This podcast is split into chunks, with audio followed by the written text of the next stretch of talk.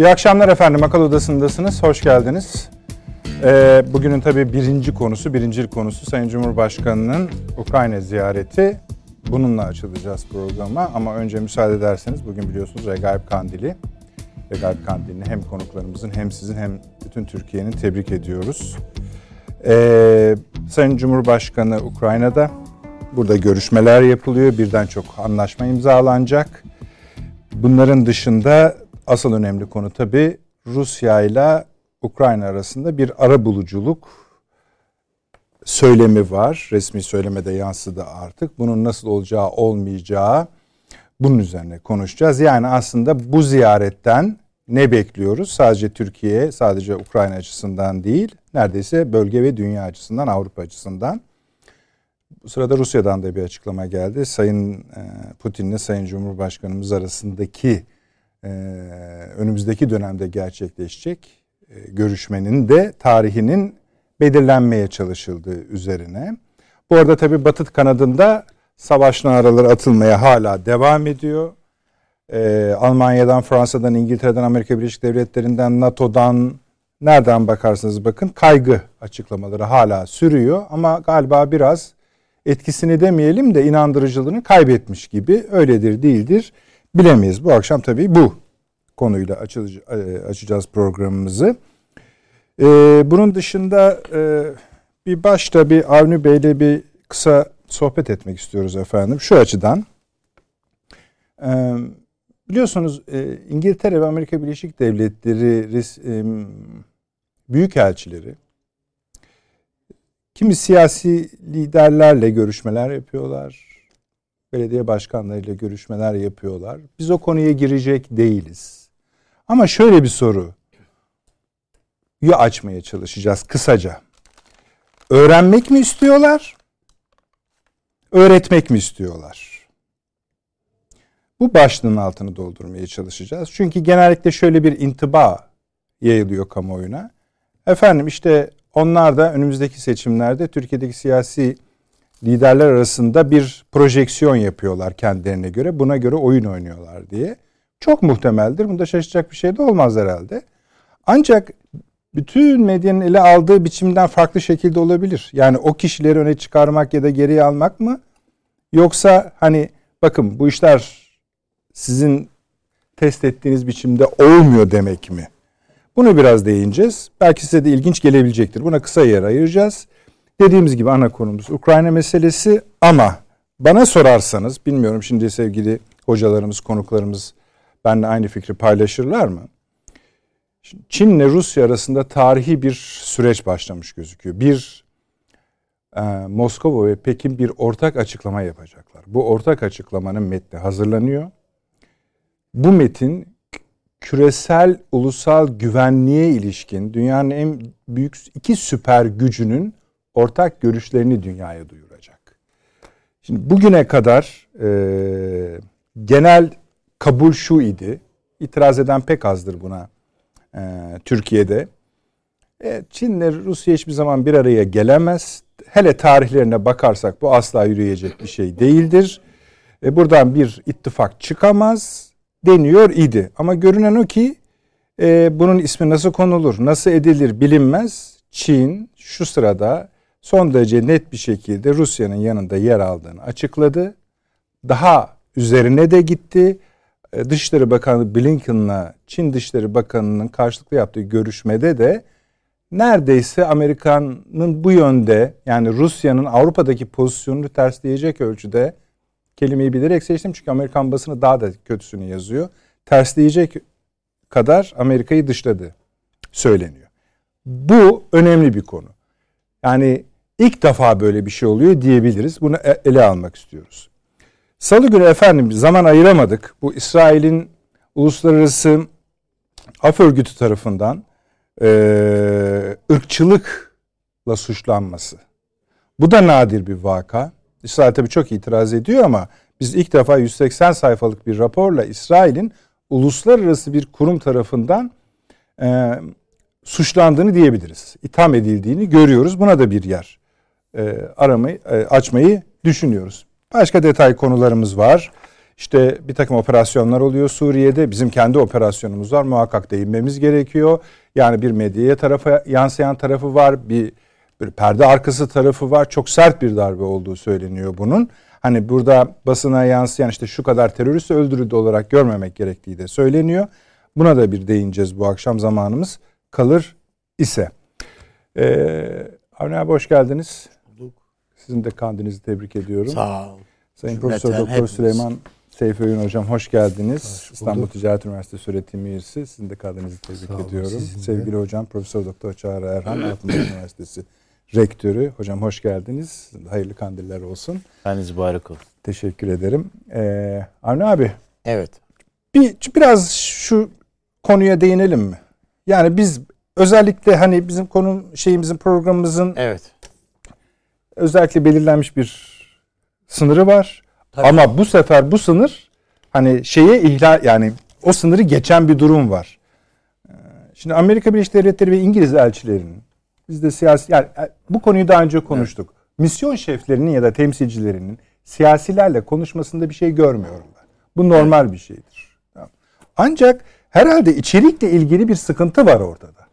Şimdi genellikle şöyle eline alıyor. E ne konuşmuş olabilirler ki? Tamam bu güzel bir soru. Hmm. Efendim İstanbul Büyükşehir mesela ben bazı konuşmalara denk düştüm. Bunu savunanlar diyor ki efendim tabii İstanbul çok büyük bir şehir. Bunun uluslararası birçok çıktısı var. Konuş evet konuşsunlar hiçbir sakıncası yok. Ama biz o soruyu soruyoruz. Öyle mi? Çünkü şeyi de bilmiyoruz. Mesela dışlarına bir metin verildi mi verilmedi mi? Hadi onu da geçtik. Ama asıl şunu acaba yani, yani asıl soru bu genel başkanlarına da verilmemiş bilgi. Ya. Değil mi? Evet. evet. Acaba bu elçilikler, bu yetkililer, yabancı misyon şefleri bir şey mi telkin ediyorlar? Yani hani şunu sorarsın. Avni Bey acaba Türkiye'de bu seçimler var önümüzdeki bir buçuk yıl sonra. Acaba Türkiye'de siyasi durum nedir diye sorulabilir. Hiçbir sakıncası yok. Ama şöyle de deniyor olabilir mi acaba? Ya siz acaba bu işlerde fazla karışmasanız yani onu bize bizim söylememizden ziyade hı hı. e, o görüşmeye iştirak eden siyasetçinin hı hı. veya o davete icabet eden çünkü büyükelçiliğe davet edilen ve ona katılan parti genel başkanları da var. Genel başkanları diye çoğaltmayayım da yani hı hı. genel bir kişi en azından var. Şimdi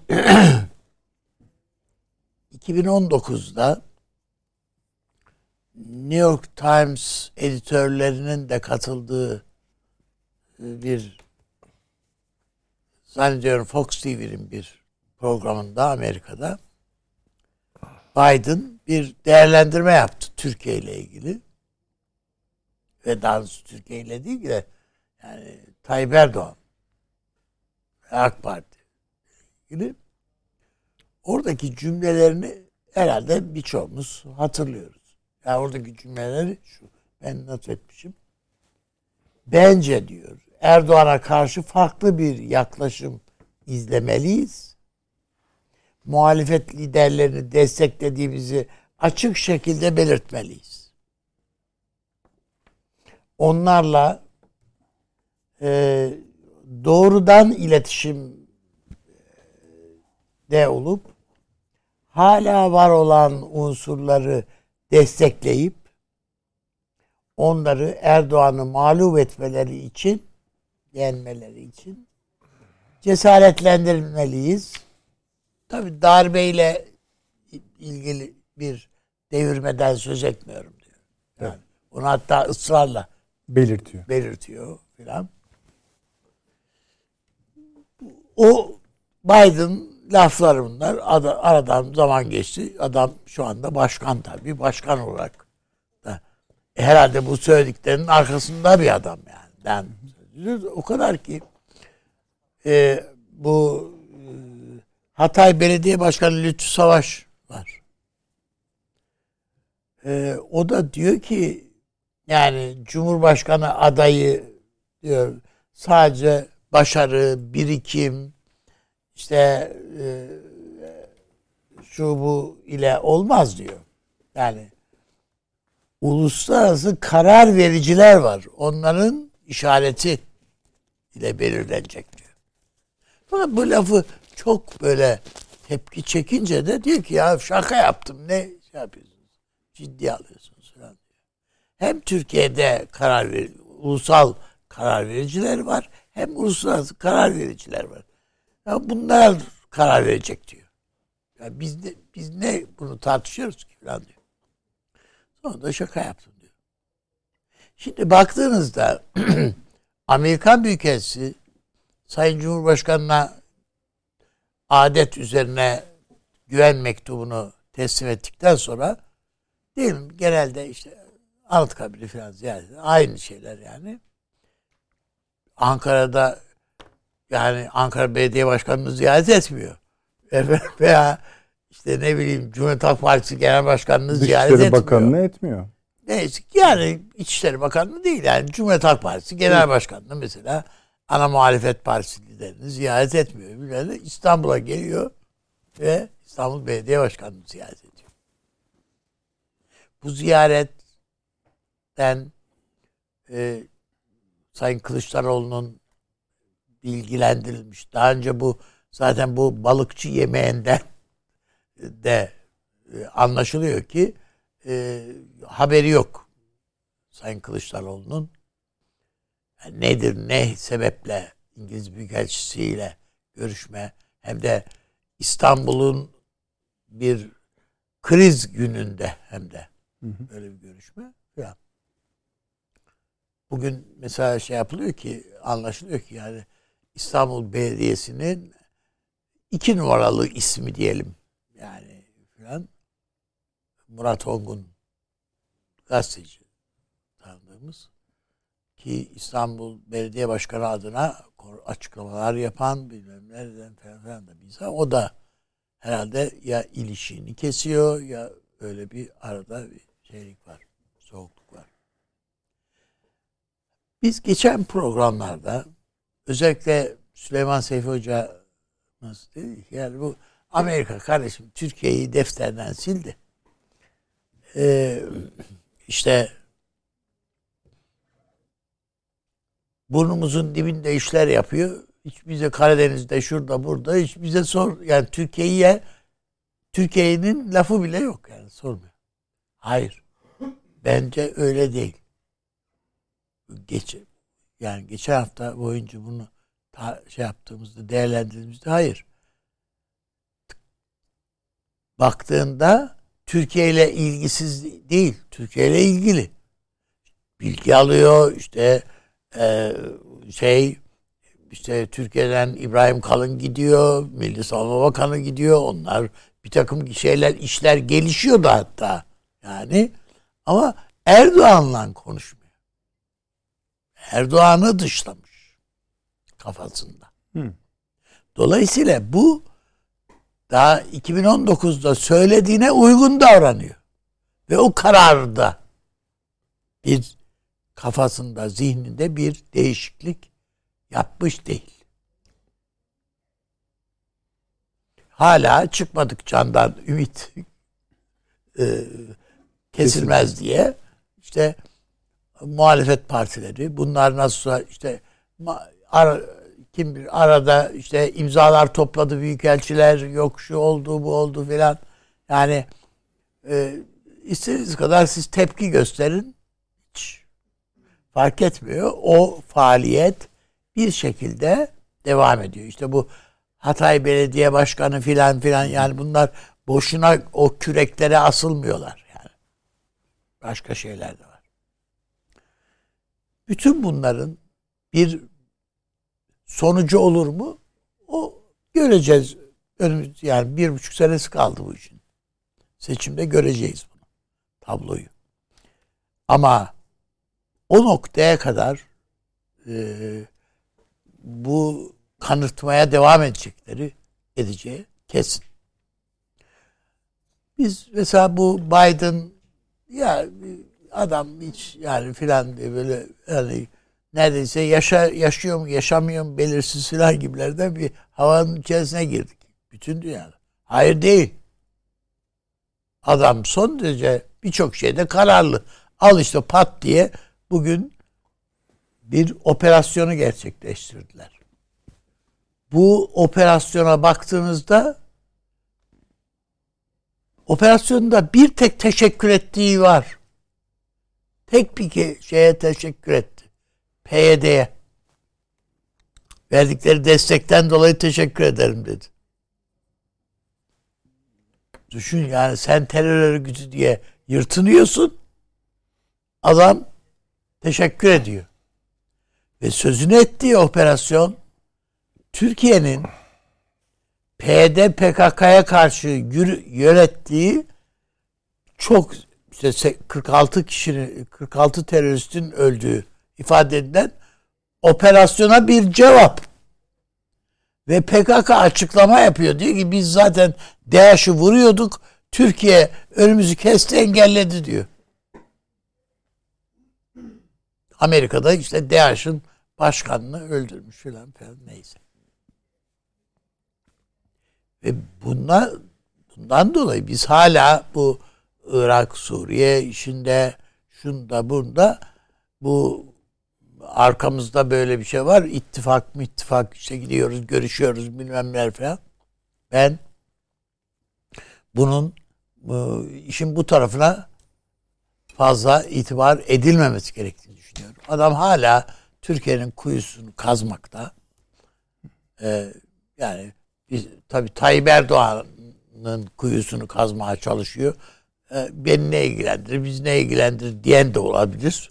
Birileri diyor belli yani partili, şu partili, bu partili birileri olabilir. Ama bunun bir yabancı ülkenin isterse süper güç olsun Türkiye'nin Cumhurbaşkanını belirlemek konusunda bir iradesi var ve bunun için oynuyor. Hala oynuyor. Açıktan oynuyor. Peki. Bunu görmek, bu istersen muhalefet parti yani A partili ol. Yani AK Partili olmana gerek yok. B partili, C partili de olabilir. Ama buna bu siyaset yaklaşımına e, buna ben katılmıyorum diyebilmeli bir muhalefet partisinin lideri veya yöneticisi veya Türkiye'nin siyaseti. Peki abi. Çünkü bu ülke, sözünü ettiğimiz ülke bu tür ayak oyunları veya bu tür belirlemeler yapmayı alışkanlık haline getirdi. Özellikle de Türkiye'de. 1960'tan beri sürekli olarak bundan icazet almayan, bunun yani bununla yan yana gelip olmayı e, şey yapmayan yani bu seni iktidar yapabilir, seni oradan alabilir. Ama doğrudan alabilir ama darbeyle alabilir. Yani tepesi atarsa darbeye yani ipe de götürürdükleri o var. Dolayısıyla bun, buna Türkiye siyasetinin karşı durması lazım. Anne abi size... Buna AK Parti'nin karşı durmasından söz etmiyorum. Anladım. Yani ben bir şey yanlış anlaşılmasın. Biraz rahatsız edici bir soru olabilir. Ee, şimdi Mesela daha 90'lı yılların başından beri hep şunu biz çok duyduk Ankara'da da meslek gazetecilik yaparken. Amerika Birleşik Devletleri'ne rağmen iktidara gelebilirsiniz ama Amerika Birleşik Devletleri'ne rağmen iktidarda kalamazsınız. Evet öyle. Şimdi bu dönem geçti. Güzel. Ama ben hani ne Amerikan ben etkisinin de azaldığını düşünüyorum, bir gücünün de azaldığını düşünüyorum. Türkiye bunlardan büyük aşamalar kaydetti. Fakat Türkiye'yi anlama çabasının kalitesini yitirdiğini düşünmüyorum. Kastım şudur. Bugün Türk iç siyasetin Amerika Birleşik Devletleri baktığında eğilimleri görebildiğini düşünüyorum hala. Evet. Şimdi sorum şu. Acaba Türkiye'de kimi siyasi kişiliklerle görüşmeler yapan yabancı misyon şefleri bakın A kişisiyle olmaz. Avni Bey'le olmaz. Süleyman Bey'le olmaz. Acaba şöyle bir formül düşünmez misiniz der mi? Onlar isimlerini de veririm de. Yani hani siz der zaten canım. Tamam. Diyorlar işte Türkiye'nin iyi kötü işte ya, bir belediye başkanı deyip de geçmeyelim. Yani hı hı. bilerek söylüyor adam. Hı hı. Yani uluslararası şeyler var, kanaat önderleri var. Onlar kim işaret ederse o olacak diyor. Hı hı. Ne tartışıyorsunuz bu Cumhurbaşkanı kim olacak diye. Sonra adam üstüne herkes gelince de şaka yaptım falan diyor. Şimdi bu kanaat bugün hala var. O joker yani o joker göreceğiz yani bunu.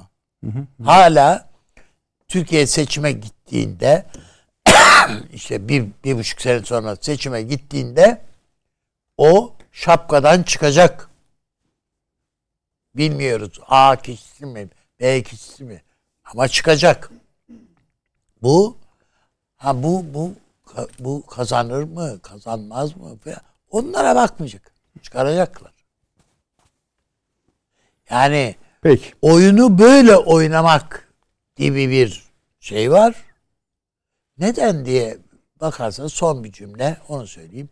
1950'den beri şöyle ya da böyle seçilememiş bir Cumhuriyet Halk Partisi var.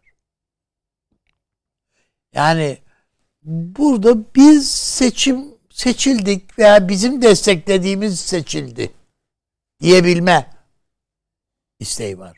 Yani düşün ki 1960'da karşısında rakip de yokken yine bu millet oy vermedi. Bütün bunların eziklikleri var. Yani onun için ben e, bunu bilerek yani hı hı. İster solculuk yapalım, ister sağcılık yapalım, milliyetçilik yapalım, İslamcılık yapalım hiç fark etmez. Ama bunu bu tabloyu yani anti emperyalist ta, şeyi e, duruşu ne ol neyi icap ettirdiğini düşünüyorsanız öyle işte, şey hareket edeceksin. Peki. Demek istiyorum. Çok teşekkür ederim abi. Yani yaklaşık 12 dakika oldu programımız başladı. Evet. Bu bölümü hani kapatalım yani. Yani şey kapatma değil de hani evet. izleyicilerimiz de e, akıl defter yani akıl ceplerine bir koysunlar, bir yere evet, yazsınlar. Biz kendi konularımızdan evet. devam edelim. Evet. Süleyman Hocam. Buyurun. Evet, Sayın Cumhurbaşkanımız Ukrayna'da. Evet. Beklentimiz e, yani ikili ilişkilerde bir sorun yok zaten. E, bu akşam bir özel söyleşimiz de olacak. E, Kiev Üniversitesi'nden bir hocamızla yaptık onu. O da bize anlatacak. Türkiye ile de ilgili çok güzel şeyler söyledi. Hatta ara buluculuğu çok desteklediğini, bunu çok başarıladığını teşekkür etti Türkiye'ye. Biraz sonra dinleyeceğiz onu da zaten. Orada bir sorun gözükmüyor. Ee, ikili bir temas olmasına rağmen birinci konu Rusya meselesi. Türkiye'nin Rusya ve Ukrayna arasında nasıl bir pozisyon alması gerektiği, ne beklediğimiz ve bu ara buluculuktan e, mesela Rusya'nın pozisyonunu bilmiyoruz. Ne çıkarabiliriz dünya için? Şimdi ben doğrusu e, bu Montreux ile ilgili olarak Karadeniz'den e, Karadeniz siyasetleri anlamında Türkiye'nin en yüksek resmi ağızlarından biri olan e, Milli Savunma Bakanımızın evet. e, açıklamasını çok e, yürek serinletici bulduğumu söylemeliyim. Benim en çok endişe ettiğim Türkiye'nin NATO angajmanlarını böyle bir sorun üzerinde ne derecede sahipleneceği, e, ne gibi e, şerhler düşeceği veya ne gibi rezervler koyabileceğiyle alakalıydı. Zaten şu başlık altında konuştu Sayın Savunma Bakanı. Evet. Herkese yarar bu dedi. Tabii. bu kal, olduğu gibi kalıyor demek. Yani şöyle söyleyebiliriz. Çünkü Sayın Cumhurbaşkanı ondan önce bir açıklama yaptı. Yani NATO'ya mensubuz ve NATO'ya dair bütün yükümlülüklerimizi üstlenmeye hazırız gibi daha yani belki nasıl söyleyeyim kapalı bir cümle e, ifade etti ya da yani o cümleden çok değişik anlamlar çıkarılabilir. Bir bakım onu şerh eden ve yerli yerine oturtan o ifadeyi e, bir açıklamaydı Sayın Akar'ın e, açıklaması. Bu beni son derece rahatlattı. Yani Türkiye en azından niyet düzeyinde, yaklaşım düzeyinde böyle bir sorunda taraf olmayacağını, e, mümkün mertebe bir ara formül üzerinde çalıştığını, iki tarafı da yatıştıracak. Daha bir bağımsız bir siyaset e, yürüteceğini söyledi. Hoş NATO'nun içinden de zaten böyle bir nasıl söyleyeyim bütün üyeleri tatmin edecek herkesin eş derecede sırtlanacağı e, sahipleneceği bir siyaset bir karar çıkar mı çıkmaz mı o da ayrı bir şey ama en azından Türkiye'nin pozisyonu açısından. Çünkü yavaş yavaş herkes bir anlamda eteklerindeki taşı dökmeye de başladı. Mesela Hırvatistan konuştu dedi ben dedi öyle asker masker göndermem. Ee, Türkiye e, olanı da çekerim diyen var. Var. Yani demek ki yani Türkiye'nin bu açıdan eli rahat e, ve biraz daha denge siyasetleri güdecek. E, ben e, üstadım gibi hala düşünmekte zorlanıyorum. Türkiye'yi e, merkeze koyarak örneğin Karadeniz siyasetlerinde e, ya da özne olarak kabul ederek, işbirliği yaparak, danışarak, tartışarak bilemem e, bir yol alma niyetinde değil Amerikan çevreleri veya genel olarak Anglo-Amerikan e, ama blok. bir ayrım yapıyor orada. E, yapıyoruz ama yani onda da biraz Anladım duracağım. Onu. Hı hı. Biraz duracağım. E, hala o dışlayıcı yaklaşım devam ediyor. Ha bunda tabii başat sebep e, katılıyorum. Sayın Erdoğan'ın varlığıdır. Hı hı. Ya aynı şey Orban için de geçerli. Aynı şey Putin için de. Yani çünkü onların bir e, günahkarlar listesi oluştu. Yani işte. Tabii, tabii.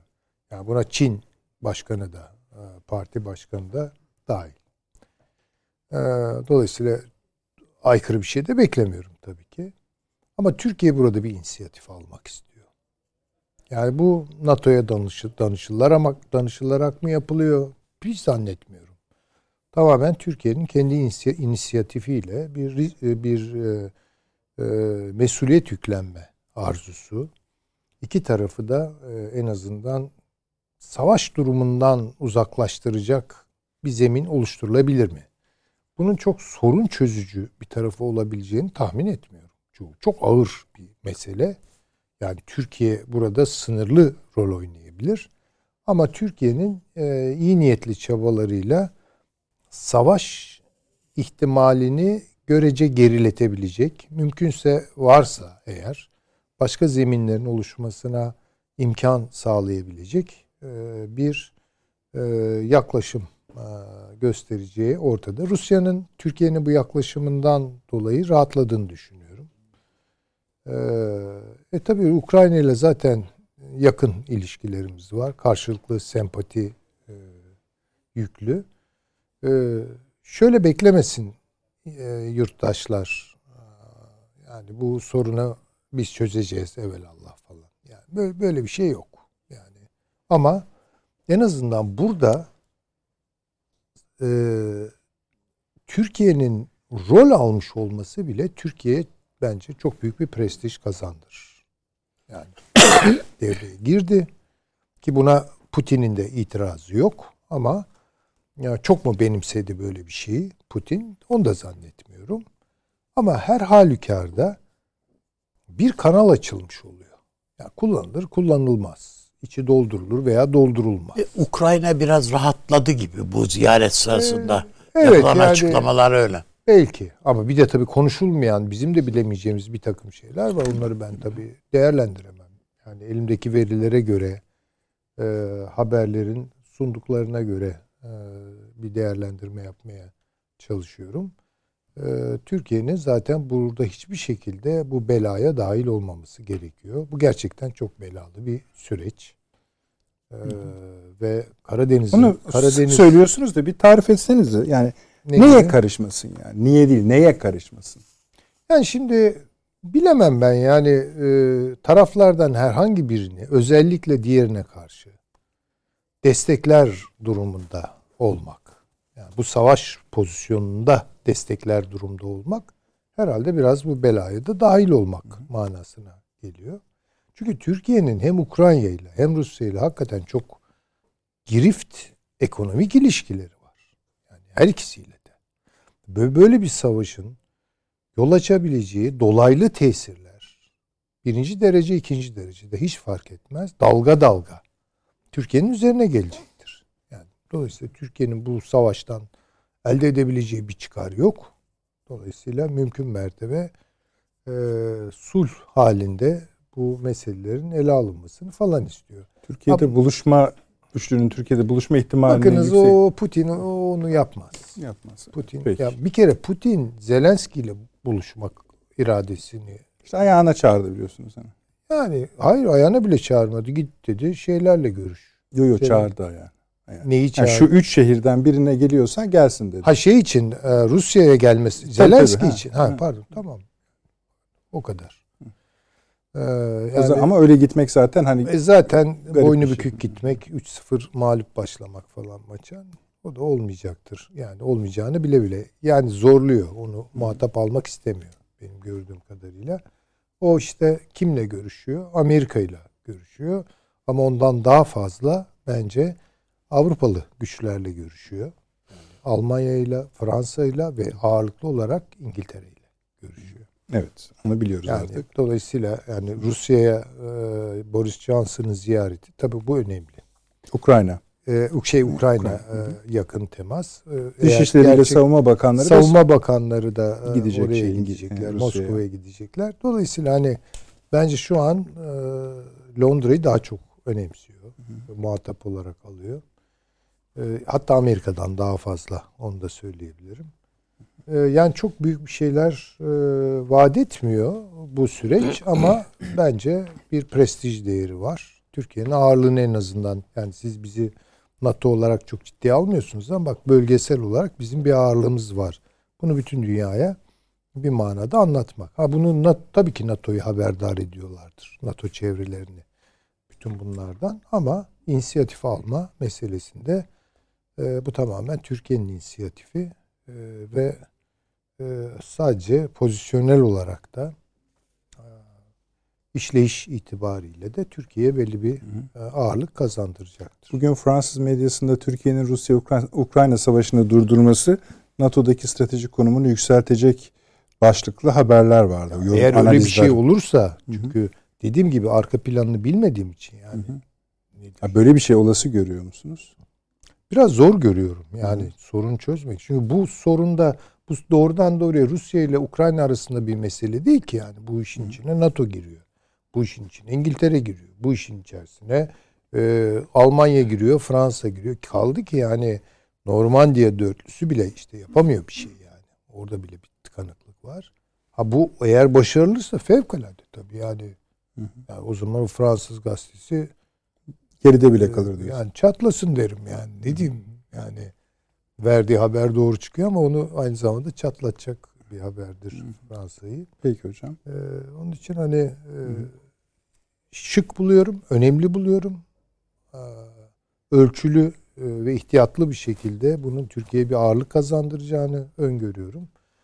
Ee, göreceğiz, takip edeceğiz tabii ki. Peki. Ee, Çağrı Hocam, reklamımızdan sonra çok açık önümüz. Şimdi isterseniz bir reklamımızı verelim. Ondan sonra uzun uzun rahat rahat konuşuruz. Çünkü biraz Avni Bey'i de sataşacağız sizden işte konuşmanızdan sonra. Belgeleri sızdırdılar biliyorsunuz. Amerika'nın belgelerini. Bir şey evet. demek ister misin? Sızdırmaz diyordunuz. Bakın sızdırdılar. El Pais yayınladı o belgeleri. Enteresan olan ilk defa böyle bir haberin şey tarafından da e, taraflar tarafından da e, doğrulanması. Evet odur yayınlananlar diye. E, neye hizmet ediyor bilmiyoruz ama bizim gazeteler pek görmedi. Amerika Birleşik Devletleri ile NATO'nun Rusya'ya verdiği şeyler, metinler yayınlandı El Pais tarafından ama hepsini reklamlardan sonra konuşalım efendim.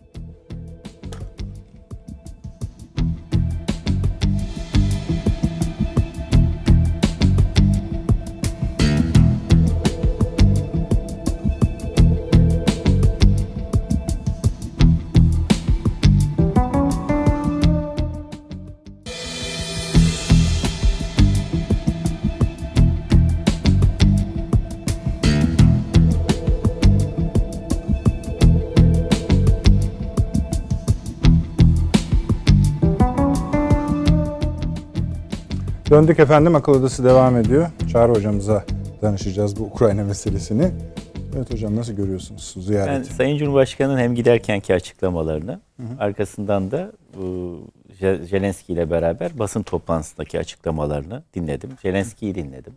Ukrayna Savunma Bakanı'nın basına verdiği demeci okudum. Tabii Ukraynalılar çok memnunlar. Hı hı.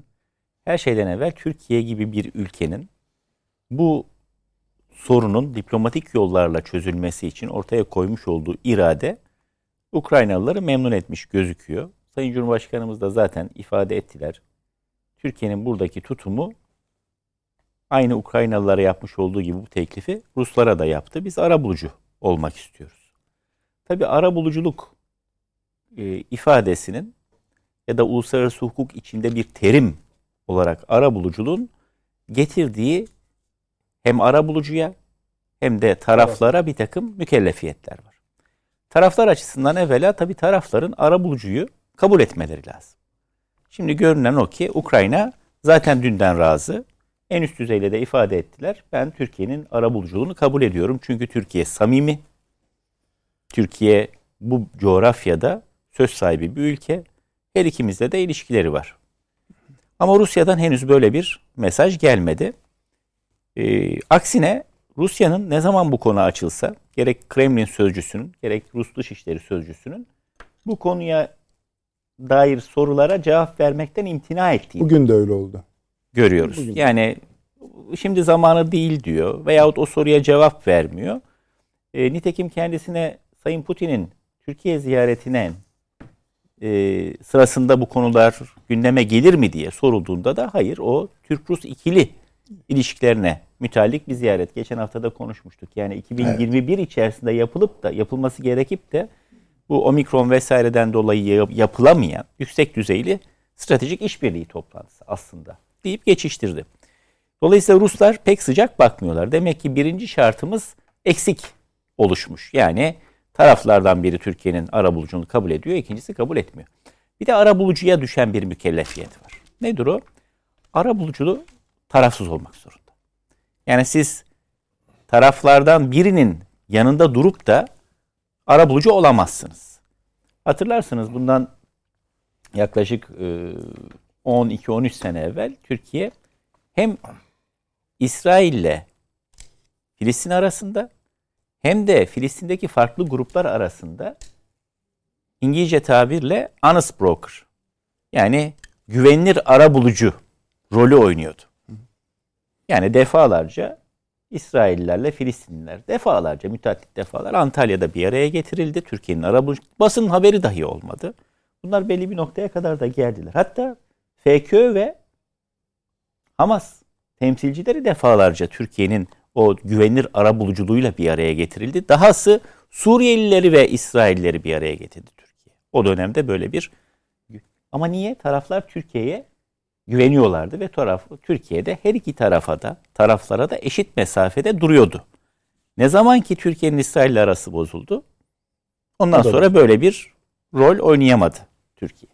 Şimdi burada da ara bulucu olarak eğer böyle bir şeye soyunduysak ve biz Sayın Cumhurbaşkanı'nın ifade ettiği tarzda da buna gönüllü olduğumuzu söylüyoruz. O zaman bir defa tarafsız olacak. Peki bu tarafsızlık nasıl bir tarafsızlık ve nasıl tarif etmemiz lazım? Bizim yine tarihimizde bunun çeşitli örnekleri var. Ama burada bir tarif etmemiz gerekiyorsa kullanılacak tabir hayır hak tarafsızlıktır. Bunu da bu programda ilk defa zikretmiş olayım. İleride duyarsınız çok çok kullanılır. Çünkü başka türlü tarif edemezsiniz bunu. Bu tam tarafsızlık değil aslında. Yani aktif, etkin, müdahil ve her iki tarafla dostane ilişkilerini de maksimum devam ettirecek. Ama katiyen iki tarafın birbirlerine karşı kullanabileceği mesela askeri bir takım şeyleri veyahut kışkırtıcı bir takım şeyleri desteklemeyecek bir tutum içerisinde bulunmak. Bunu yaparken istinad edeceği yer uluslararası hukuk. Uluslararası hukuk ne diyor? Yani Birleşmiş Milletler Anlaşması hemen daha en başta birinci ve ikinci madde artık kuvvet kullanma yoluyla toprak edinmek yasak. Nitekim Türkiye geçmişte de Kırım'ın Rusya tarafından işgal edilmesini, akabinde ilhak edilmesini tanımadı ve tanımayacağını da katiyen tanımayacağını da ilan etti. Ama bu Rusya ile ilişkilerini devam ettirmesine mani bir durum olarak konulmadı. Burada da öyle. Ukrayna'nın egemenliğine, toprak bütünlüğüne sonuna kadar saygı duyduğunu ifade edecek. Aynı şeyi Rusya için de söyleyecek. Savaşa karşı olduğunu yine gözlerden kaçmamıştır. Geçen hafta Sayın Cumhurbaşkanı çok önemli bir cümle sarf etti. Dedi ki savaşın artık dedi. Uluslararası anlaşmazlıkların evet. çözümünde bir araç olmaktan çıkartmamız gerekiyor dedi. Birden bir siyasi tarihçi olarak ben Bryant Kellogg hmm. baktığını hatırladım. Hmm. 1927'de evet. dönemin Fransız Dışişleri Bakanı Briand ile Amerikan Dışişleri Bakanı Kellogg Amerika ile Fransa arasındaki münasebetlerin kuruluşunun işte 100. yıl dönümü sebebiyle ya da 100 yılda savaşmama sebebiyle durup dururken bir açıklama yapıyorlar. Diyorlar ki biz iki ülke olarak bundan sonra aramızdaki münasebetlerde ne olursa olsun savaşmayacağız birbirimizle. Oturacağız diplomasi yoluyla halledeceğiz. Buna birçok ülke katılıyor. 1929'da Sovyetler Birliği bile Litvinov o zaman Dışişleri Bakanı. Litvinov protokol dediğimiz protokolle iştirak ediyor ve diyor ki biz bundan sonra savaşı uluslararası ilişkilerin bir aracı olmaktan çıkarttık. O zamana kadar savaş meşru. Uluslararası ilişkilerin bir aracı savaş. Yasak değil. Yani hatırlayın Überdem Krieg diye kitap yazmış adam harp üzerine. Evet. Değil mi? Von Clausewitz. Hala harp akademilerinde falan böyle çok o, şeyin stratejinin tabiri evet, caizse İncil'i gibi tabii, okutulur. Tabii hocam. Başucu kaynak gibi okutulur. Evet. Adam ne diyor? Harp diyor. Diplomasinin bittiği yerde, siyasetin bittiği yerde o maksada ulaşmak için kullanılan araçlardan biridir ve gayet meşrudur. Ben diplomasi yoluyla elde edemezsem ta Roma'dan beri, eski Roma'dan beri, daha da evvele götürelim eski Hitit'ten beri, Mısır'dan beri isterim Zor vermezse oluyor. kafasına vururum diyor ve bu gayet meşrudur diyor. Birinci Yan Harbi'nden sonra işte 20'li yıllarda hayır biz bunu buradan çıkartalım dediler. Ama tabii İtalya gitti Habeşistan'ı işgal etti, Japonya gitti Kore'ye işgal etti. Harp bu alanın bir aracı olmayı sürdürdü. Onun üzerine İkinci Yan Harbi'nden sonra bunu uluslararası hukukun bir parçası haline getirdiler. Dinleyen oldu mu? Ya bizzat bunu ihlal edenlerin başında bu kuralı oraya tabii koyuranlar canım, geldi. Tabii. Az önce sizlerin bahsettiği Amerika Birleşik Devletleri belki de bu kuralı en fazla ihlal eden, belki de değil, en fazla ihlal eden devlet oldu. Bakın az önce bir operasyondan bahsettiniz değil mi? Operasyon işte yapılan açıklama DAEŞ'in lideri öldürüldü. Bizi evet bir beladan kurtuldu. DAEŞ bizim de başımızın belası olan bir terör örgütü. Yanında 12 tane siville beraber öldürüldüğünü kimse söylemiyor. 12 sivilin 6'sı çocuk. Evet. Şimdi ondan bir gün evvel Türk Silahlı Kuvvetleri çok önemli bir operasyon götürüyor, yürütüyor. Yani yakın dönemin en kapsamlı operasyonlardan biri. 160-170 kilometre içeri girmek suretiyle evet. inlerinde vuruyor terör örgütünü. Bir tane sivilin burnu kana. Evet. Ne yapmışlar? Bugün böyle terör örgütü fotoğraf paylaşmış. İşte birkaç tane yanmış ağaç, ekolojik felaket filan. Evet. Başka da koyup kendileri yakmıştır onu da Allah bilir. Ama koyabilecekleri bir tane sivil yok. Amerika'nın yaptığı operasyonda bir kişi öldürüyor. 12 tane de sivili öldürüyor. Şahit olan bir kadının röportajları var. Yani olaya şahit olan. Çocuklarını falan almışlar elinden ya. Yani kadının. Daha çirkin ne olabilir ya? Dolayısıyla en fazla ihlal edenlerin başında yine kendileri var. Güvenlik Konseyi üyesi olarak Rusya, Sovyetler Birliği o zaman, Amerika var vesaire. Bugün de Türkiye her şeyden evvel uluslararası hukuka istinad ediyor. Diyor ki kuvvet kullanmak ve kuvvet kullanma yoluyla tehdidi dahi yasaktır. Egemenlik esastır, toprak bütünlüğü esastır. Ülkelerin sınırları milletler arası anlaşmalarla ortaya çıkar. Nitekim Ukrayna'da Sovyetler Birliği dağıldıktan sonra onun halefi olan devletlerden biri olarak çıkmıştır. Bugün de ilginç bir gün. Sayın Cumhurbaşkanı ifade etti. Dikkatinizi çekti mi?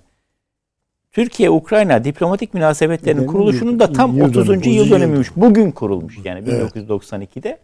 O ziyaretin o güne Hocam, gelmesi de ilginç bir şey güzel olmuş. Bir güzel şey. bir ayarlamışlar. Yani evet. sembolik manası var. Evet. Dolayısıyla Türkiye hayrah bir tarafsızlık takip edecek.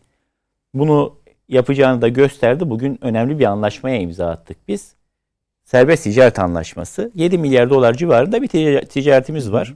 Onu ilk planda 10 milyara, arkasından 20 milyara çıkartmayı hedefliyor Türkiye. Demek ki biz ticaret anlaşmamızı sürdüreceğiz. Ticaretimizi geliştireceğiz. İnsani ilişkilerimiz 2 milyon Ukrayna'dan turist geliyor. 10 milyon da Rusya'dan geliyor.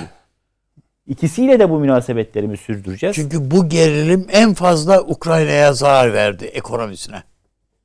Şimdi her iki tarafa da çatışmadan uzak durmalarını telkin edeceğiz. Bunu yaparken de NATO'lu müttefiklerimize de dönüp diyeceğiz ki yangına körükle gitmeyin. Bunu yine Sayın Cumhurbaşkanı söyledi. Evet. Yani bazı batılı devletler Bugün yangına evet. körükle giderken, yangına daha fazla benzin dökerken biz öyle bir tutum içerisinde değiliz ve onları da ikna edeceğiz. Tabii sayın seyircilerimizi şu konuda temin etmek lazım. Türkiye'ye rağmen NATO'da bir karar alınamaz. Bunu aklımızdan çıkartalım. Türkiye eğer milli çıkarları, bakın onun altını çizerek söylüyorum. Milli çıkarları açısından bir konunun yapılmamasını öngörüyorsa bloke eder kararı aldırtmaz. Bunu ama bütün ülkeler de yapar. Sadece Türkiye'ye has bir durum değil. Bakın hatırlayın. 1900 pardon 2003'te Amerika Birleşik Devletleri Başkanı Bush'un bastırmasıyla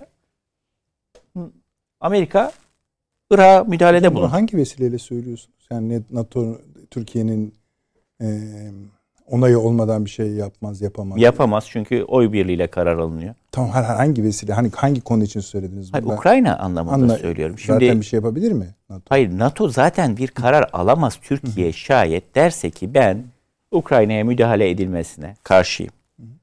Veyahut şunun yapılmasına karşıyım. Bir askeri yığınak oraya yapılmasına karşıyım. Ha, tamam. Bunu dediği müddetçe sadece Türkiye değil. Almanya'da derse karar alamaz. Litvanya'da tabii, derse karar alamaz. Çünkü kararlar oy birliğiyle alınıyor. Ve bazı konularda siz e, üyelere ABD açısından söylüyorum diş geçirebilirsiniz. Hı hı. Yahut bazı konularda üyeler o konuyu bir pazarlık aracı olarak kullanabilir. Yani aslında reaksiyonları çok da ciddi reaksiyonlar değildir. Ama bazı konular vardır ki ulusal çıkar meselesidir. Sonuna kadar ben buna karşıyım kardeşim der ve o işi bloke eder. Mesela Güney Kıbrıs Rum kesiminin katiyen NATO yapıları içerisinde temsiline Türkiye müsaade etmez. Ne yapıyorlar? Avrupa Birliği ile bir araya geleceklerinde NATO gidiyor gayri resmi yemeklerde bir araya gelebiliyorlar. NATO karargahına Güney Kıbrıs Rum kesiminin herhangi bir temsilcisinin bu haliyle girmesine Türkiye müsaade etmiyor ve etmeyecektir bundan sonra da çözüm olana kadar kuşkusuz. Dolayısıyla bu konuda herkesin gönlü içi ferah olsun. Türkiye'nin arzu etmediği bir çözüm içerisinde burada NATO teşkilat olarak olamaz. Kaldı ki neden olsun? Şimdi NATO bir antlaşmaya dayalı olarak kurulmuş bir örgüt. Kuzey Atlantik Antlaşması örgütü. Bu Kuzey Atlantik Antlaşması içinde NATO'nun nasıl çalışacağına dair bazı maddeler var. Bunlardan en meşhuru da 5. madde. Yani nedir o? NATO ne işe yarar? Müttefiklerden herhangi birine bir sal, silahlı saldırı vuku bulduğunda Birleşmiş Milletler Anlaşması'nın 51. maddesinde tarif edilen kolektif meşru müdafaa hakkını kullanmak üzere vardır. Güzel. Bundan başka yok mudur? Vardır. Antlaşma içinde değil ama 1999'dan başlayarak NATO defalarca stratejik konseptlerini değiştirmiştir. Evet. Ve kendi görev alanlarını o 5. madde dışı alanlar hem coğrafi alan işte Hem de Bosna'dan Bosna birçok şeyi öğretti herkese. Srebrenica'dan sonra evet. Bosna, akabinde Kosova operasyonu 99'da, Tabii. arkasından 11 Eylül'den sonra Afganistan operasyonu, evet. e, Akdeniz'deki Active Endeavor harekatı, evet. Somali'deki Afrika boynuzu harekatı ki geçen işte tezkereyle biliyorsunuz oraya katılıma ilişkin süremizi evet. uzattık vesaire. Bütün bunlar hem alan dışı çünkü Kuzey Atlantik'te ne alakası var Afganistan'ın? Hem alanını genişletmiş hem de daha evvel NATO anlaşmasında sayılmamış olan terörle mücadele olsun, etnik dinsel temizliğe karşı mücadele olsun, e, başarısız hükümetlerin e, meydana getirdiği tehditler olsun.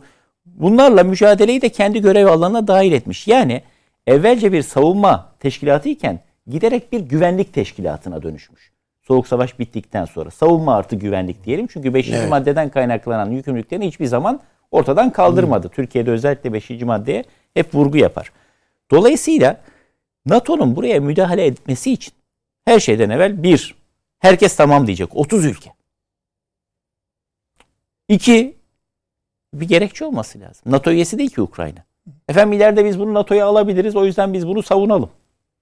Böyle bir şey olmaz. Bence gerekçeye gerek kalmadan zaten o 30'dan bir şey çıkmaz. Yani zaten çıkmaz. Ayrı, ayrı konu. Ayrı yani mesele. bir sürü itiraz eden var zaten. Hem öyle hem de ya 29'u bir araya gelse Türkiye hayır dese yine olmaz. Olmaz. Eyvallah. Hı-hı. Bunun geçmişte biz pek çok örneğini de gördük. Hı-hı. Ama burada apaçık bir şey var ki Türkiye'nin burada takınmış olduğu tavır Türkiye'nin hem Ukrayna hem Rusya nezdindeki konumunu bir kez daha onlara hatırlattı.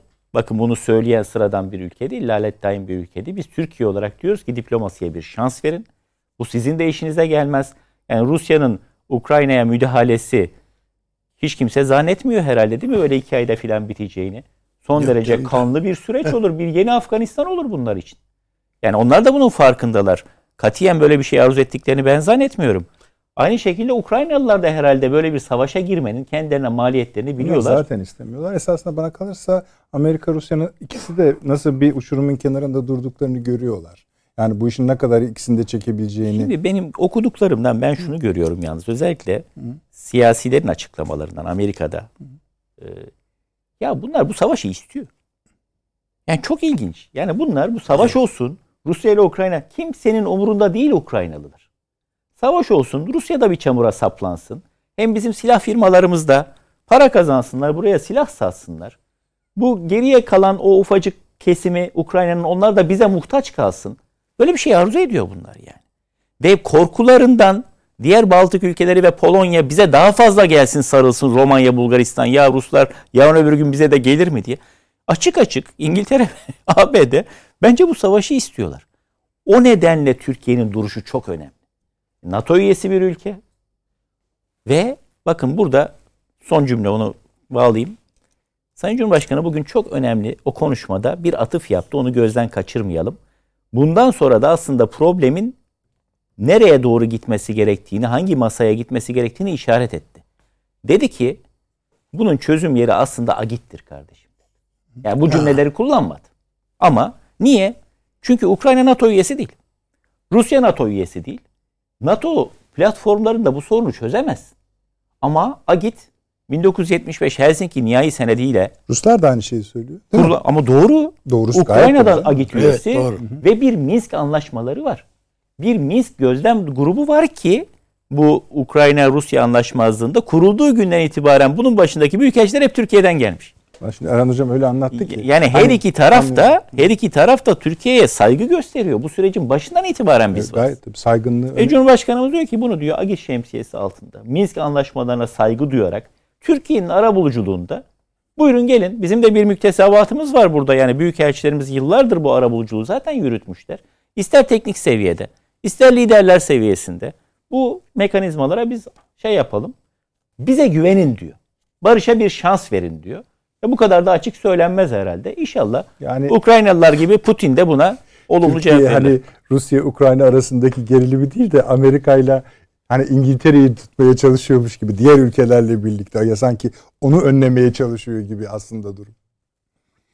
Evet ama işte e, daha evvel programlarda hem Süleyman Hoca'nın hem e, Fahri Paşa'nın söyledikleri gibi ki şimdi e, hocamın da ifadesi onu teyit ediyor. Yani bunlar bu işi istiyorlar. Bu Amerika bu savaşı istiyor kardeşim. Yani, Çok net. Yani Çok istiyor. istiyor. Mümkün olsa bizim de bulaşmamızı istiyor. Bunu bahane ederek Karadeniz'e daha fazla evet. bir gelmeyi istiyor. Tabii istiyorlar yani. Peki. Yani şimdi hocam diyor ki ben bize göre yani bizi kale almazsan NATO'dan karar alamazsın filan filan. Tamam dediğiniz doğru tabii karar alamazsın ama arkadan dolanıyor adam. Yani burnumuzun dibinde dünyanın en büyük şey e, kuşatma gücü oluştu ya. Peki. Sana yani, söz vereceğim abi Ukrayna konusunda da evet. bir de şeyi dinleyelim isterseniz. Ukraynalı ha. bilim adamları ne düşünüyor? Doktor Valentin Yakuşik Kiev, Kiev Üniversitesi'nden bu konular üzerine çalışan, Türkiye'de iyi tanıyan birisi olduğunu düşünüyorum. Konuşmanın içeriğinden öyle anlıyoruz. Kısa bir röportaj efendim. Bakalım ee, nasıl Türkiye'ye, Rusya'ya, Amerika'ya bakıyor ee, Kiev'den e, bilim insanları. Verelim arkadaşlar. In the present situation for Russia Mevcut durumda Rusya için Ukrayna'ya saldırmanın bir anlamı yok. Birincisi kavramsal nedenlerle alakalı. Rusya Cumhurbaşkanı, Rusların ve Ukraynalıların tek millet olduğunu söylüyor. Dolayısıyla Ukrayna'ya saldırmak, Rus destekçilerinde büyük iç sorunlar yaratacaktır. Sayın Putin'in bunu yapmasına imkan yok. İkincisi, Ukrayna oldukça güçlü. Ekonomisi değil ama ordusu oldukça güçlü diyebilirim. Ukrayna ordusuna saldırmak aptallık olur. Üçüncü nokta şu, Rusya daha fazla sorun istemiyor çünkü yeterince sorunu var. Ekonomik sorunları var. Rusya Ukrayna'ya saldırır ve ele geçirirse Ukrayna daha fazla yatırıma ihtiyaç duyacaktır.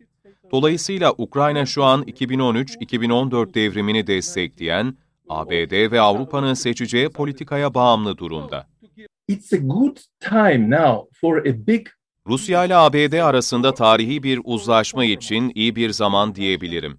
Sayın Putin'in Biden ve çevresindeki insanlarla çok iyi ilişkileri var. Eminim ki bu durumu Ukrayna'nın doğusunda ortak bir çözüme ulaşmak için kullanıyorlar.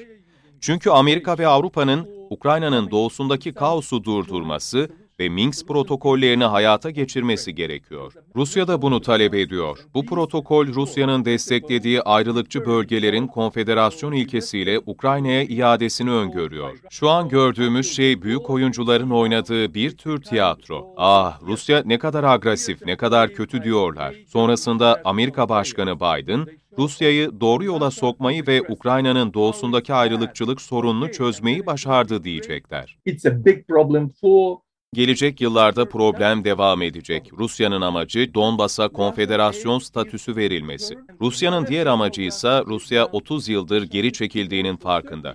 Soğuk savaşta utanç verici bir yenilgi aldı. Putin'in seçmenleri ve diğer Rus siyasetçiler Rusya'nın dünyadaki ikinci ekonomik güç olmasından memnun değil. Yeniden güçlü olduklarını, askeri alanda güçlü olduklarını göstermek istiyorlar. Bu yüzden batıya baskı yapıyorlar. Batı bu baskıya boyun eğmeyecektir. Dolayısıyla uzlaşı olmak zorunda. ABD 2013-2014'teki devrimden başlayarak Ukrayna'daki olayların gelişmesinde kilit role sahipti.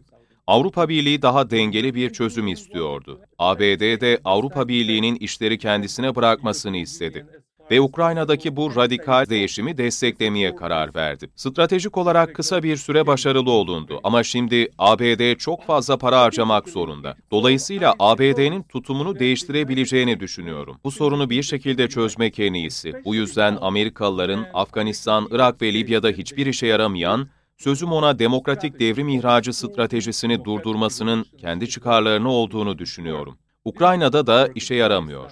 Kırımsa zor soru. Ama daha sonraki bir aşamada Kırım'ın Ukrayna'ya dönüşü gerçekleşecek. Bu çok iyi fikir. Birinin her iki tarafa da dost olarak gidip her ikisinin de barışa kavuşmasını desteklemesi taraflarda istek uyandırıyor. Bu yüzden Sayın Cumhurbaşkanı Erdoğan'a girişimi için çok teşekkür ediyoruz. Türkiye ilginç bir rol oynuyor. Ukrayna'ya silah sağlıyor ve Rusya bundan rahatsız oluyor. Aynı zamanda Rusya ile yaptığı bazı işbirlikleri de Ukrayna'yı rahatsız ediyor. Türkiye her yönüyle bağımsız, egemen bir ülke. Kimse gelip sen bunu yap diyemez. Türkiye Cumhurbaşkanı'nın yaptığı şey, ülkesinin çıkarlarına göre düşünüp hareket etmek. Ancak çatışmanın anahtarı Washington'da. Ya Avrupa'nın doğusunda çatışmayı sürdürmek isteyeceklerdir ki bu durum ABD için ek bütçe zorlukları ve ek riskler anlamına gelir veya durumu basitleştirmeye karar verebilirler. To simplify the situation. Evet abi, abi. Görüşler böyle. Yani çok doğru tespitler. Tabii. Bu. Yani bizden farklı değil. Evet. Ee, tabii bir tek şeyi doğru söylüyor zaten. Hani Amerika Birleşik Devletleri'nin rolü An, burada. Ya burada anahtar on ha, rolü de demeyelim yani. yani o ne, burnunun e, ne kadar işte bu, dikine gidip yani gitmeyeceğiyle ilgili. He. İşte burada hocalarımız da aynı şeyi söylüyor. Zaten yani eğer savaş çıkarmak isterse çıkaracak yani. Çok açık yani. Ama burada son birkaç gündür Ukrayna'dan yapılan açıklamalardan bir e, farklı bir şey geliştirildiği de görünüyor. O da nedir? Önce zannediyorum yani eğer bir savaş çıkarsa bilin ki Almanya ikiye bölünebilir. Evet Doğu Berlin. Şeyi geldi. Berlin, doğru. Yani oraya kadar gider bu iş dediler. Yani bu Ukrayna'da başlayıp Ukrayna'da bitmez bu. Ayağınızı denk alın. Ukrayna Savunma ha, Bakanı'nın lafı o. Ha Ukrayna Savunma Bakanı evet. Şimdi bu önemli. Ee, ve eğer yani Rusya açısından şeyinden de bakarsanız bu iş Donbas bölgesiyle bitmez. Yarın işte Litvanya var, Et, Estonya var, şu var, bu var. Yani bu Rusya doymaz yani bir türlü. Yani duruşunuz ister Rusya'nın saldırganlığı diyerek olsun, ister Amerika'nın kışkırtıcılığı diyerek olsun doğru doğru bir duruşunuz olmalı. Az önce hayır ha bir e, şey diye tarafsız. Evet, ara söylediniz. Evet, ara buluculuk diye söylediniz. Belki ara buluculuk kelimesi çok hoşlarına gitmiyor ama yani bir adil bir duruş gerekiyor. Ve bu e, ben Avrupa'nın bunu hissetmesi gerekiyor. Yani nitekim ben Fransa filan da dahil yavaş yavaş bunu hissetmeye başladıklarını düşünüyorum artık. Yani bu savaş orada başlar ve orada bitmez yani. Ukrayna'da başlar ve bitmez. Yarın bir gün bakarsın Polonya filan hepsi bu yangının içerisine içerisinde neye uğradıklarını bilemezler. İkinci Dünya Savaşı'nda kazandıklarını zannediyorlardı. Tam o anda Rusya Ruslar çok daha farklı bir oyun çevirdiler Polonya'da. Geçmişte de olduydu bu bizim e, Viyana kuşatması sırasında da Polonyalılar aynı şeylere bir daha da iflah olmadılar. Evet olmadılar işte öyle. Yani onu yaptıktan sonra 3 sefer Prusya, Rusya, Avusturya bunları böldü. Öyle. Polonya diye bir devleti 1919'a kadar ortadan kaldırdı. Evet doğru. Ee, ama nedense bizde bir Prusya geleneği var. Yani seviyoruz. Polonya'yı falan tuttuk.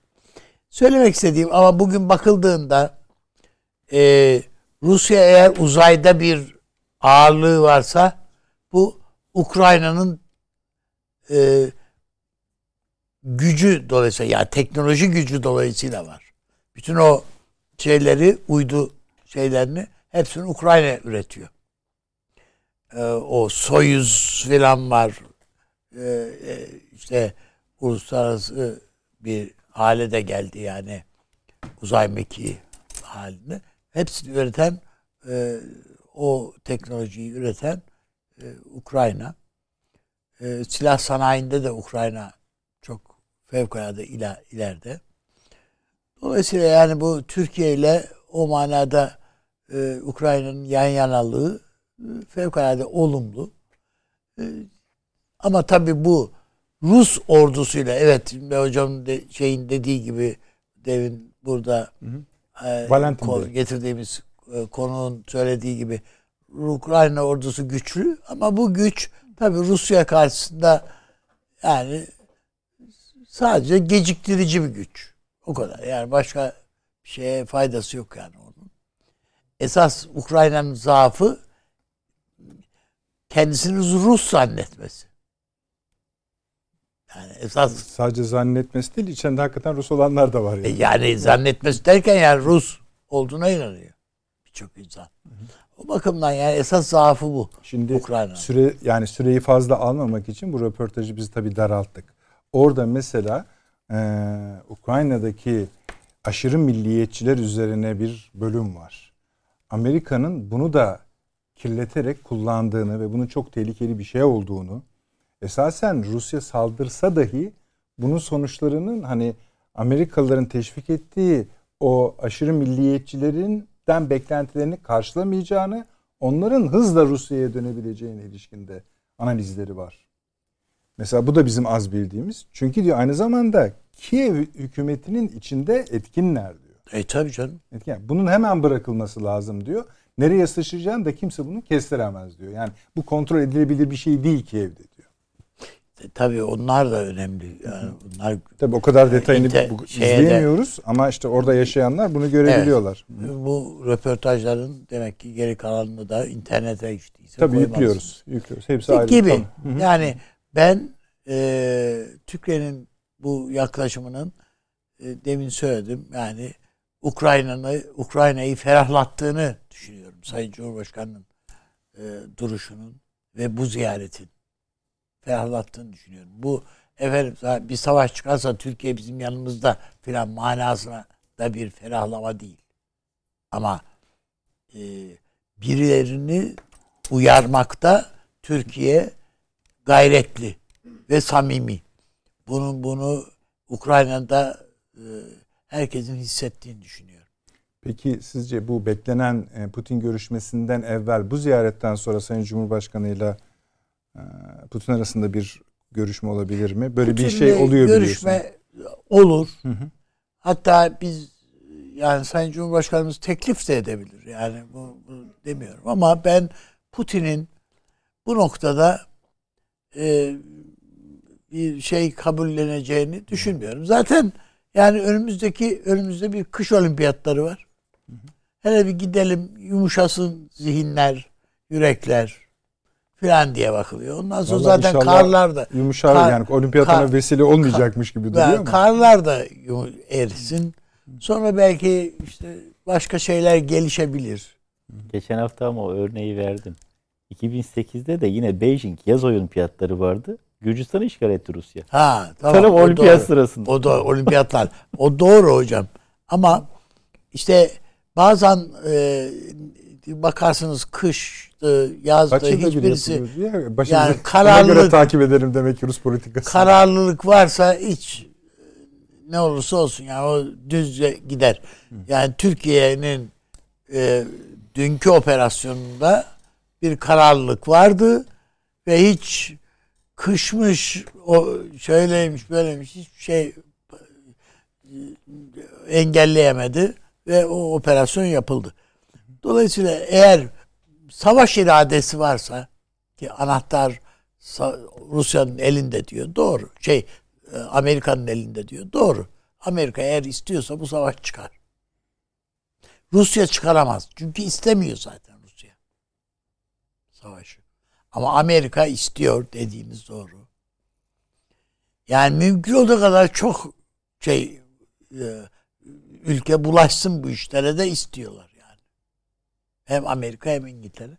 Dolayısıyla e, ama onların bu çağrısına ya da bu çanağına e, evet diyen ülke işte o çıkmıyor. Yani topun ağzındakiler hayır diyorlar. Biz yokuz. Tıpkı İkinci Dünya Savaşı'nda e, Adana mülakatında İsmet İnönü'nün yani tabii gireriz. Niye girmeyelim canım? Yani girmeyip de ne olacak? Yani gireriz fakat bizim tank yok. Bize bize şu kadar tank ver. Şu kadar top ver. Zaten Churchill diyor ki ya beni elimde olsa ben ben yapacağım. Peki abi. Bir de dekor olsun diye İsmet Paşa e, şey e, tren e, şeyini ayarladıydı. Beyaz tren ayarladıydı. Şey Hatırlıyorum olsun. o fotoğrafı. Evet. Süleyman Hocam İngiltere? İngiltere'de kışkırtıcıların önde gideni. İşte yani o savaşı istiyor işte. Yani tabii, tabii ki istiyor. Yani hatta İngiliz e, diplomasisinin bu kadar kendini açığa çıkardığı başka bir olay hatırlamıyorum ben yani.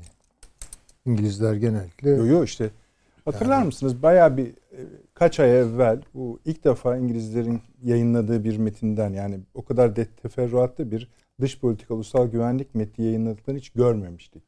Uzun uzun başbakanların e, sayfasında hala da duruyor. Bundan sonra nasıl davranacaklarına ilişkin bir evet. projeksiyon koymuşlardı. Denizleri de dahil ederek bu sefer. Ondan sonra bu gemiler falan çıkmaya başladı. Evet. Yani ondan beridir diyebiliriz. Ama ilk defa bu tonlamayla ve bu ısrarla öyle başladı diye. Ve bu kadar da hani e, kamuya mal edilerek, dünya kamuoyuna mal edilerek İngilizlerin bir siyaset güttüğünü görüyoruz. Yani şunu yapar. Çok katmanlı siyasetler geliştirir. Yani omuzuna e, dostça dokunurken cebindeki varını yoğunluğu falan da alır yani. Daha bence sessiz ve derinden götürmeye e, yatkındır. Yani Amerika gibi böyle kovboyun salona girmesi gibi girmiyor. Daha değişik yöntemleri var. Ama bu defa öyle değil. Bu defa açık açık yani. Bayağı meydan okuyor ve ısrarlı bir şekilde bu Rusya meselesini e, merkeze koydu, hedefe koydu. E, bu bundan bir geri adım falan yok. Onu söyleyebiliriz. Yani İngiltere'nin konumu açısından Amerika Birleşik Devletleri ile beraber yani bir Anglo-Amerikan bir blok var. Kendi içlerinde bir iş bölümü var. Bunu daha evvel de e, işaret ettik. Bu Boris Johnson'ın ziyaretinden bir şey çıkar. Nereye dönük olarak? Ukrayna'ya dönük evet. olarak mı? Yok efendim. işte arka, yani açıklamaların aynısını tekrarlasa yeter. İşte burada hakikaten bir saldırı bekliyoruz. İşte, Efendime söyleyeyim arkasındayız, destekliyoruz, asker de göndereceğiz. O diyor Amerikalılar bile o kadar demiyorlar. Ama asıl ben Ama yani işte şöyle bir şey var. takip etmek taraftarıyım. Kime? Yani Dışişleri Savunma Bakanlarına. Doğru. Onlara da bakmak lazım. Heyet gidiyor ilk defa. Tabii tabii. Moskova'ya. Yani bir de şöyle düşünüyorum ben. Yani işin içine İngiltere girdiği zaman çok doğrusal öngörülerde bulunmak zorlaşıyor. Siz çok şikayetçisiniz hocam. Yani hakikaten e, hani böyle zihnin akışını felç eden e, bir takım incelikler taşıyor anlamak açısından. Yani Amerika'ya aşağı yukarı bir dereceye kadar hesap veya Rusya Amerika dörtlü işlem gibi. Değil mi yani? Valla kaç bilinmeli, bilinmezli işlemler yapıyor. Yani bu savaş çok istiyor gözükürken aslında başka bir şey mi? Başka bir şeye mi yatırım yapıyor diye hep böyle aklımı kurcalayan yani analizlere biraz vardı. paranoya sokan Hı. etkisi var benim üzerimde. Yani Siz savaş risk tehlikesini daha çok kullandığı fikrindesiniz. Ben kullanıyorum tabii ki. Tabii ki kullanıyor. Ama ben bu savaş meselesine biraz daha makro bakma taraftarıyım. Tam oraya geleceğiz şimdi. Yani bu Ukrayna'da mı çıkar, Tayvan'da mı çıkar, hiç beklemediğiniz başka bir yerde mi çıkar? Ama dünya yavaş yavaş bir savaş iklimine giriyor. Çünkü bunun da biraz tarihsel e, düzenlilikleri e, hesaba katarsak, tarihte ne kadar düzenlilik var onu bilmiyorum ama belli düzenlilikler var birkaç faktör ekonomik olarak bir araya geldi mi orada barut kokusu duyulur. Durgunluk. Yüksek enflasyon ee, ve işsizlik. Ya bu üçü bir araya geldi mi çok tehlikeli. Yani bir yerde enflasyon olabilir, konuşabiliriz. İşte şu enflasyon, şu tür enflasyon, şöyle mücadele edilir filan gibi. İşsizlik konjonktürel olabilir. Durgunluk aşılabilir. Bakın dünün haberi kamu borcu Amerika Birleşik Devletleri 29 trilyon dolar. 30 trilyon işte dolar. Yani, 30 trilyon dolar. 7 dolar. trilyon artmış. Ve Basar bunun şeyi öder. dönmüyor. İşte ama o da şöyle bir şey var. O, yani karşılık sonra nereden çıkacak? Amerika'ya kim soracak bunun karşılığı var mı? İşte biz soruyoruz. yok işte yani yok. bu bu hoş bir şey değil. Yani İngiltere'deki ekonomi de öyle. Avrupa'da öyle. Yani sürekli olarak hem verimlilik kaybı hem üretim kaybı yaşıyorlar. Şimdi bunu çözmenin tarihsel olarak mümkün olduğu tek bir formülü var. Savaştır bu. Yani savaşla ancak bu işin içinden çıkılır. Bu da beni ürkütüyor doğrusu. Yani onun e için bu, Ukrayna meselesi. Bu Rosa Luxemburg'u falan tekrardan tabii, okumak tabii yani, lazım. Rosa Luxemburg'da yani. okunmalı, Lenin'de okunmalı, Trotsky'de evet. okunmalı. Bu üçlü bu meseleyi gördüler. Yani ekonomiyle savaş arasındaki ilişkiyi mesela Marx o kadar göremedi. Bunlar gördüler ama. Üçü de ayrı ayrı sonuçlar çıkarttılar ama tespit aynı. Onun için hani biraz endişe ediyorum ben. Yani çünkü hani belli şeyleri istikrarlı tutmanın da artık ekonomide imkanı kalmadı. Çok öngörülemez şeylere doğru gidiyor. Bu bana da doğrusu bir daima bir endişe kaynağı oluşturuyor.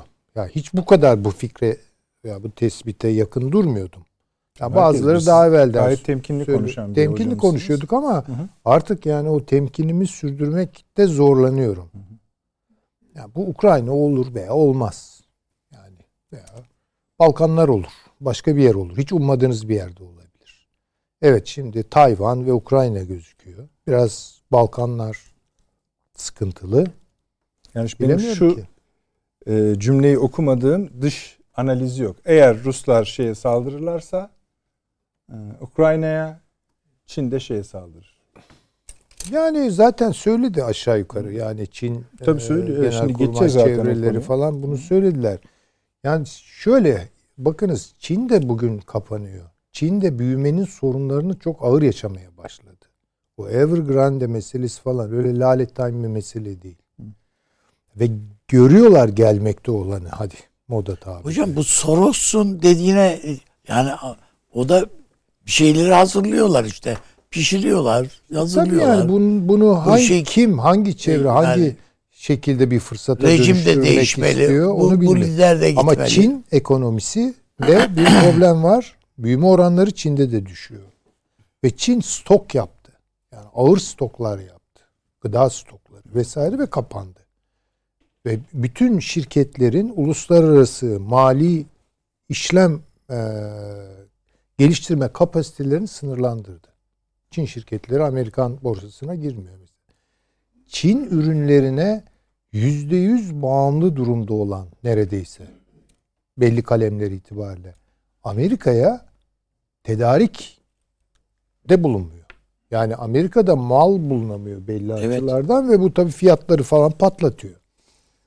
E şimdi bakıyorsunuz Almanya'nın durumu farklı değil. E Rusya'da zaten ne var? Yani Rusya ya herru ya merru derler yani. Çünkü Rusya eğer e, yeni medeniyet, yeni e, şey itibariyle hani medeniyet diyelim projesi olarak enerji kaynaklarında bir büyük dönüşüm, değişim falan olacaksa mevcut yapıların ayakta tutmasına imkan yok. Ama Rusya'nın başka şeyleri var. Ben bakın bu Rusya meselesinin niye bu kadar üzerlerine üzerine gidiliyor? Bunu ben Sibirya'ya bağlıyorum. Hmm. Sibirya paylaşımıdır bu. Ve Arktik. Belki. Ve art çok doğru. Evet. Budur. Çünkü yani o koca coğrafya benim gözüme batıyor ben o haritaya baktığım zaman. Sizin gözünüze batıyorsa diyorsunuz. Ya vallahi batıyor çünkü yani 145 milyon bir nüfus metrekareye bir adam düşüyor. Neredeyse yani. Tabii. Ve belirsiz. Altında ne var, üstünde ne var? Yani baktığınız zaman yani muazzam bir kere e, bir maden Hocam, varlığı Rusya, var. Ruslar da sadece bakıyorlar ama. Ama Rusya yani biliyor altını, oranın önemini. Altını bir filan yani önemini biliyor. Şimdi üretim şöyle, filan yok yani. Çin yatırımlarını bence oraya yapıyor. Onun için bu Çin Rusya ittifakını ben konjonktürel görüyorum. Son tahlilde şunu istiyor Çin.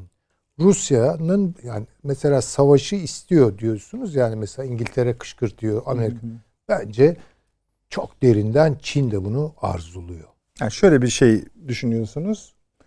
E, Farpaşa değinmişti zaten galiba ona. Hani teşvik ediyor Çin biraz daha. Tabii arzuluyor. Rusya, Hatta teşvik ediyor. Yani bundan rahatsız olduğu kanaatinde hiç değilim ben. Bunu kendisine dönük fırsata çevirmek istiyor.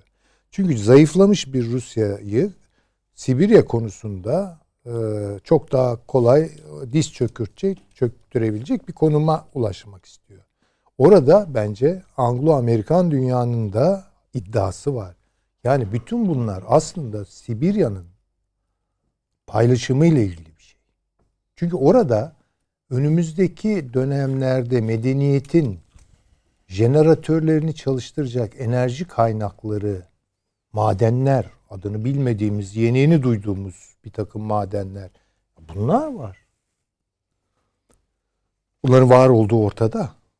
Yani, e, yani baktığınız zaman tarım ülkesi Rusya. Muazzam bir tarım ülkesi. Bunu yani sadece petrol satıyor. Suudi Arabistan'da değil yani Rusya. Rusya aynı zamanda bir kendine göre bir makine kimya endüstrisi de var. Şöyle veya böyle ağırlıklı olarak bir tahıl ambarı. Ukrayna bir tahıl ambarı. Rus muhakkak şimdi bakınız iklim değişecek haberleri geliyor değil mi? Yani ne olacak bu? bizim buralar yani şu an bereketli kuşak Türkiye'nin de yer aldığı o bereketli kuşak çölleşecek. Açık.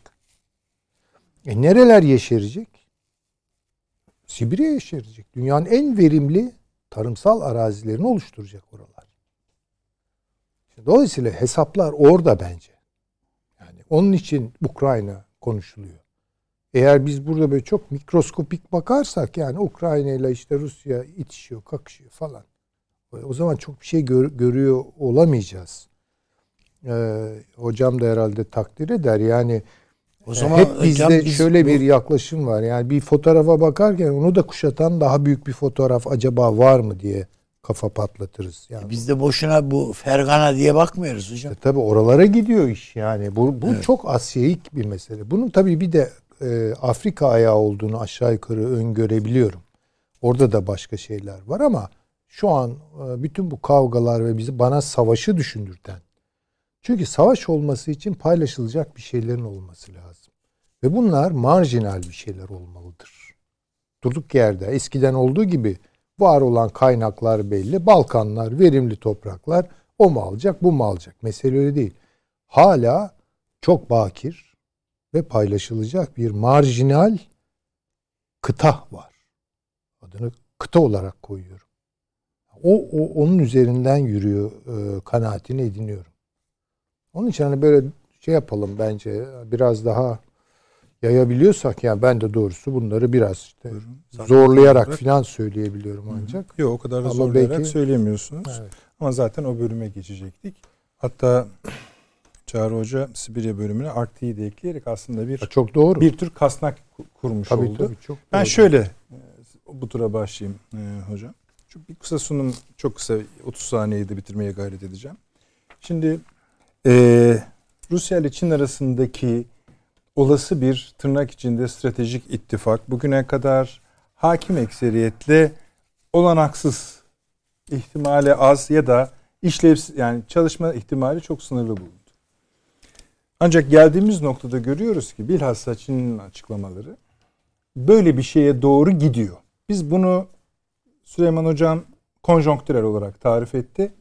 Öyledir değildir bilmeyiz ama öyleyse de bu da bir yenilik.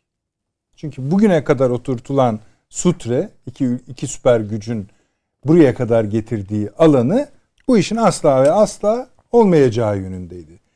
Birinci e, veri bir başka e, konuğu ağırlarken Çin Dışişleri Bakanı'na sorulan soru üzerine çok ağır bir şekilde hem Amerika'yı itham etmesi hem de Rusya'nın net bir şekilde yanında durduğunu söylemesi. İkincisi yine bu Ukrayna vesilesiyle Amerika Birleşik Devletleri Dışişleri Bakanı Çin Dışişleri Bakanı'nı arıyor ve diyor ki bak hala Rusya böyle yapıyor.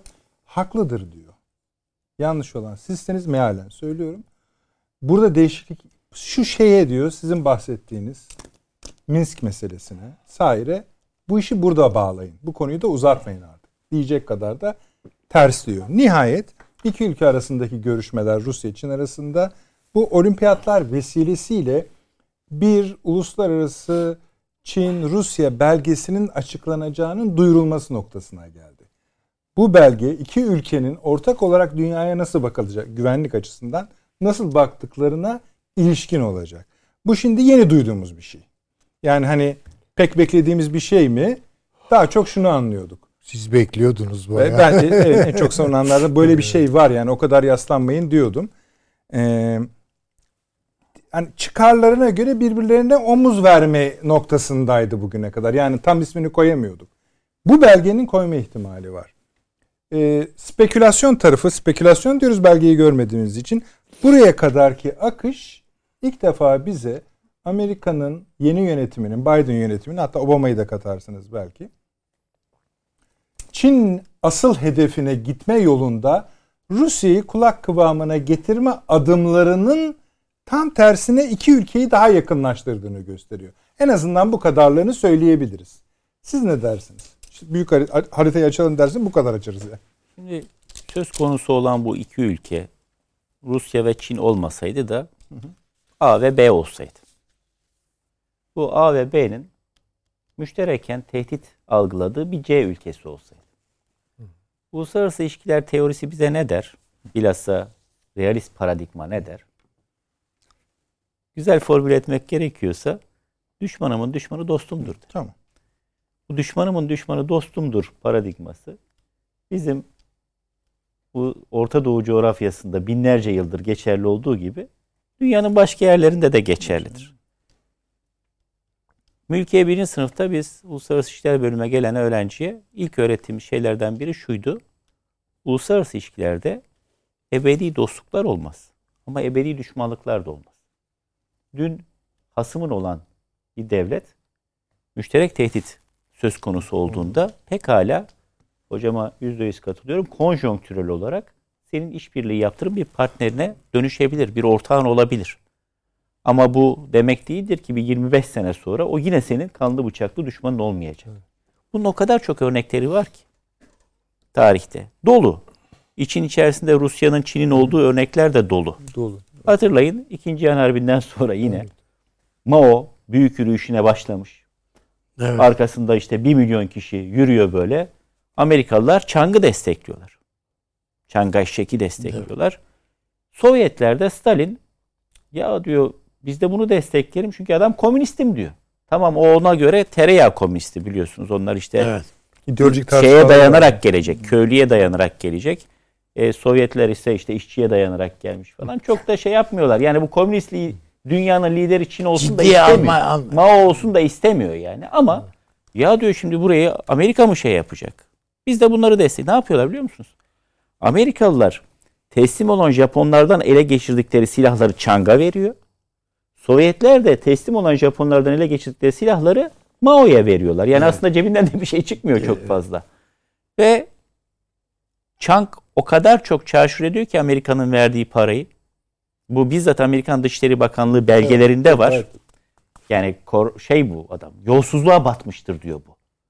Hatta Amerikan daha sonra e, Dışişleri Bakanı olacak George Marshall o sırada Hı. Genelkurmay Başkanlığından ayrılmış. Amerikalılar onu gönderiyorlar Mao ile Chang'ın arasını bulsun diye dönüp diyor ki ya diyor biz bu Chang'ı desteklemeyi bırakalım. Mao'ya destek olalım çünkü bu verdiğimiz parayı cebine atıyor ve Mao kazanacak hiç olmazsa kazananın yanında duralım demeye kalmıyor. Şey reddediyor e, bu öneriyi Truman.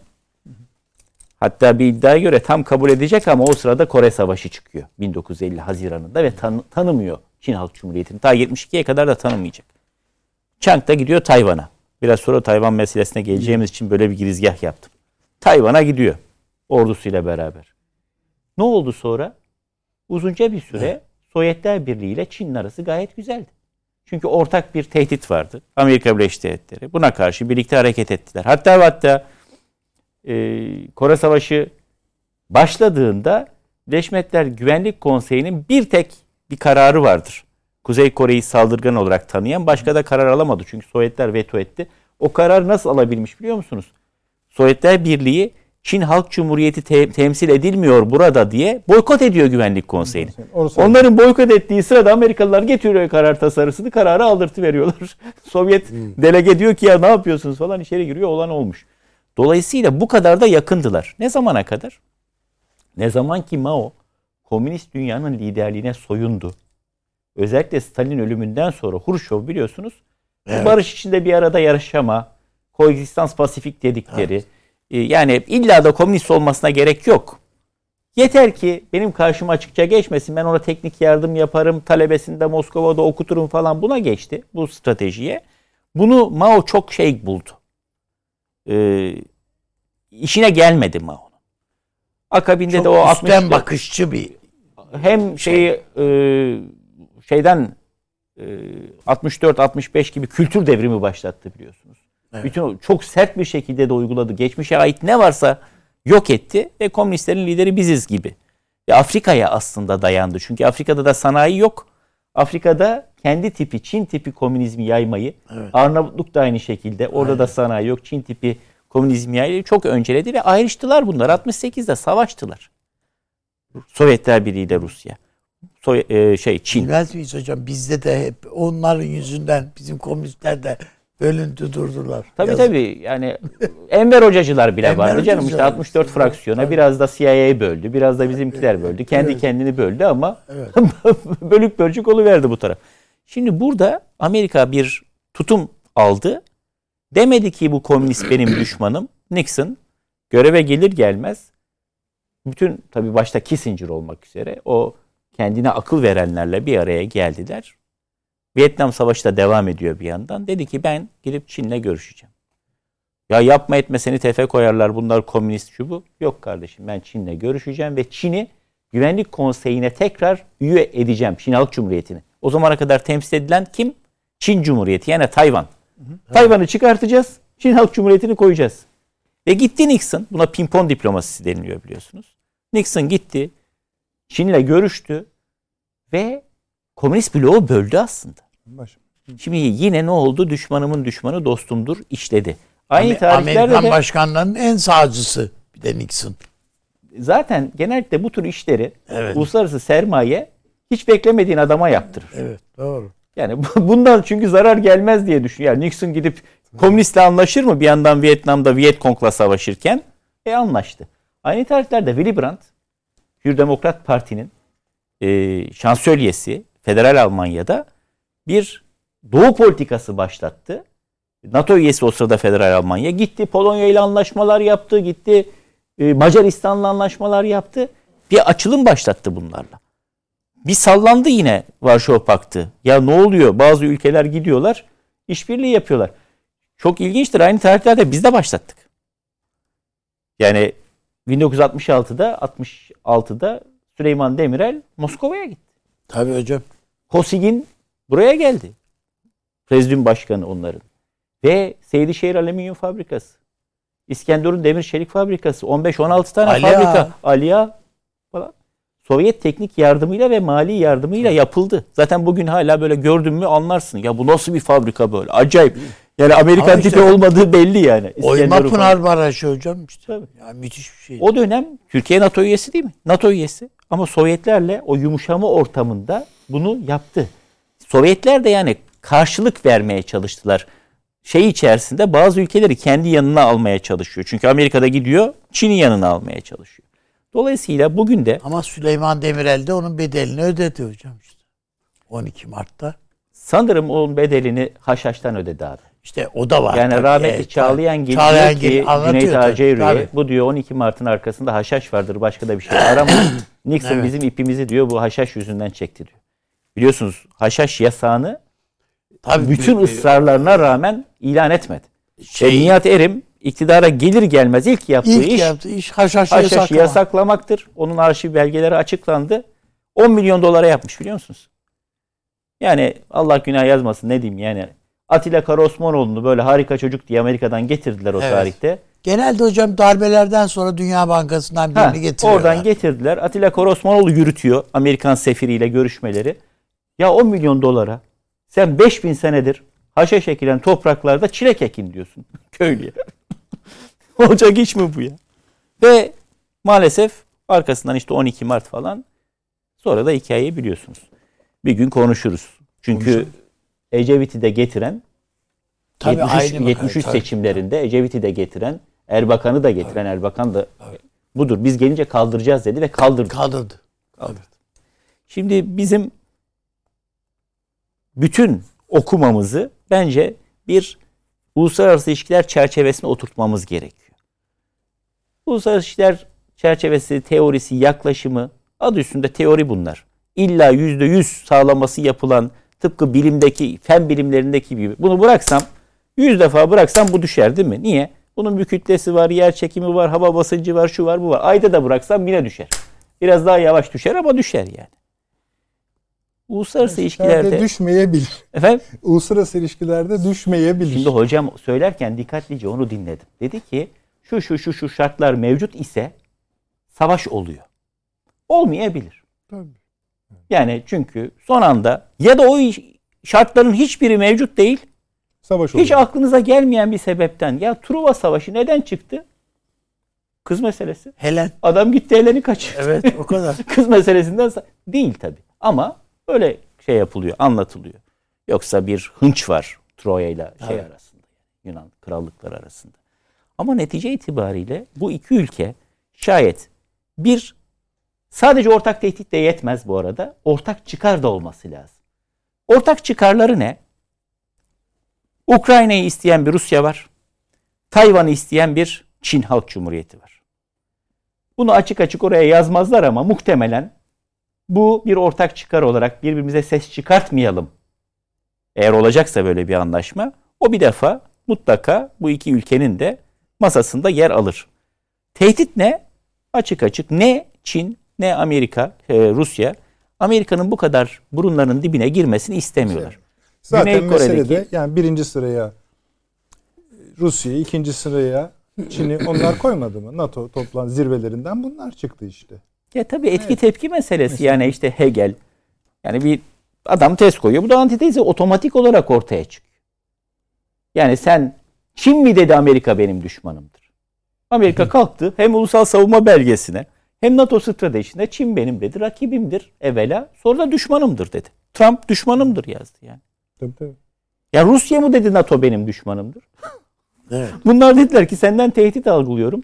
E, ister istemez karşı tarafta sen sürekli bunu söylersen sana karşı bir tepki içerisine girecek. O zaman da olmayacak işler konjonktürel de olsa oluverir. Bir tek şey şu hocam yani Rusya tarihsel olarak kendini Avrupalı şey yapma, saydırma. O yüzden konjonktürel diyorum ben de. İşte bu, derdi bu. Yani Putin buradan kurtulamıyor. Yani Çin'le yan yana gelmeyi içine sindiremiyor.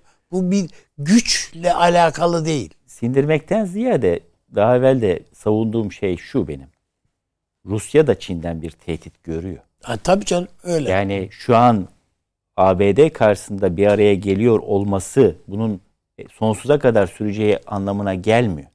Tam tersine bu tehdit bertaraf edildiğinde İşte hocamın söylediği o Sibirya o topraklarında esas Çin'in, de gözü Çin'in var. gözü var. Çin evet. kendisine ait tabii kaynakları olmayan bir ülke. Evet. Yani petrolü dışarıdan alıyor. Değil mi? Büyük Tabii ölçüde öyle. ve hepimizden Nasıl bütün ülkelerden daha fazla enerjiye ihtiyaç duyan bir ülke. Tabii. Bu çarkı döndürebilmesi Geri kalanı daha pirinç. E bir yerden yaptığı. alacak. Bir yerden alacağı, nereden alacak? İşte en yakın genişleme, bir de bu kadar büyük nüfusu sığdıracağı bir alana da ihtiyacı var. O alan dağlık taşlık değil. Yoksa Çin'e baktığın zaman çok geniş topraklar olduğu aşikar ama ekilebilir. O insanları doyuracak sulak arazilere evet. ihtiyacı var. Ya bu halka da açık olan işte bazı uydu programları var. Biraz parayı bastırdığınız zaman abone olduğunuzda evet. daha da ayrıntılı olanlarını veriyorlar. 10 sene evvelki e, Orta Asya, Çin'in şey Rusya'nın Orta Asya topraklarıyla bugünkünü mukayese ediyorsun. Yeni yeni yerleşim birimleri oluşmuş ve Çinliler bunlar. Çinliler tabii canım geliyor. Yani adam geliyor orada bir köy kuruyor. İşte Şangay İşbirliği Teşkilatı çerçevesinde de sınırların ortak savunması filan dediği için o tarafın sınır savunmasını Hocam Çinlilere adam, bırakmışlar. Yani şey için e, Çin için fark etmiyor. Yakutistan'a gidiyor adam. Rusya'yı yani Rusların kafasına silah dayasan gitmezler ya. Kimse. E, dolayısıyla bu bir işbirliği ise de bu söz konusu işbirliği mevcut durumun dayattığı bir işbirliği gibi gözüküyor. Bir cümle daha söyleyip bitireyim. O da burada dikkate alınması gereken bir ülke daha var ki onu mutlaka önümüzdeki günlerde çok konuşacağız yıllarda. O da Hindistan. Hı hı. Hindistan olmaksızın bence ne Asya ne dünya siyasetine evet. bundan sonra e, bir yorum getirmek çok zor olacak. Nükleer bir güç, bir milyar, milyarın üzerinde bir nüfus. Bir de Pakistan'la arasındaki artan, sıkıntıları ekonomik, çözüyor gibi. Giderek artan bir ekonomik gücü var ve giderek artan bir askeri etkisi de olmaya başladı. Yani donanmasını güçlendiriyor filan mesela. Daha evvel sadece kara ve hava gücü varken, füzesi varken şimdi donanmaya da yatırım yapıyor. Uçak gemisi filan var adamların. Konuşalım. Süleyman Hocam, bu konu Hı. bizim için Türkiye için neden önemli? Ee, hangi yani, konu? Mesela Rus. Rusya ve Çin'in evet. yakınlaşması meselesi. Birçok kulvardan bunu kurabiliriz ama bunu biz Ukrayna üzerinden konuşuyoruz. Şimdi şöyle diyelim o zaman. Ee, Çin'in bir açılımı var malum. İşte İpek yolu, tek yol, tek kuşak vesaire. Bu Kazakistan'a geliyor ve oradan bir çatal gibi ayrılıyor bildiğiniz gibi. işte orta koridor, üst kuzey koridor, üst vesaire. koridor. Ee, yaşanan gelişmeler gösterdi ki Türkiye'nin de dahil olduğu orta koridor büyük ölçüde atıllaştı. Şimdilik. Bilmiyoruz. Sonra ne olur? Kazakistan meselesinde Rusya ile Çin'in örtük belki bir dereceye kadar belli bir rekabet kokusu taşıyan ama e, nihayetinde belli bir dengeye iki tarafça da getirilmesi e, mümkün olabilecek yumuşaklığa kavuşturulmuş bir sorun var. E, Kazakistan aynı zamanda Türkistan açılımının kilit ülkesi kalp yağı. Düştü mü? Düştü. Düştü. Düştü. Ee, Fergana Vadisi orta ve uzun vadede çok karışacak. Belli hı hı. Noktalarını yakaladık biz onun. Ee, Kafkasya cephesi, Hazar bölgesi veya Kafkasya cephesinde de e, şimdilik belirsiz bir istikrar var ama oranın da ne olacağı çok belli değil. Zaten yani oranın tek başına bir e, ağırlığı bir yere kadar var. Hazar'ın doğusuyla batısı birleşmedikten sonra bu Türkmenistan meselesi üzerinden özellikle ve Kazakistan ve onun açılımları bunu bize yarayacak bir tarafı da pek kalmayacak. Ben Türk Devletleri Teşkilatı'nın kurulmuş olmasını çok heyecanla karşıladım. Ee, ama henüz çok ruşeym halinde ve e, darbe yiyor. Yani. Rusya ile Çin'in Asya üzerinde anlaşması ve anlaşmaya yakın durması şu vadi veya bu vadi üzerinde bize yaramaz. Onu söyleyeyim. Bize yaramaz. Yani çünkü Çin de istemiyor Türkiye'yi. Türkistan açılımında.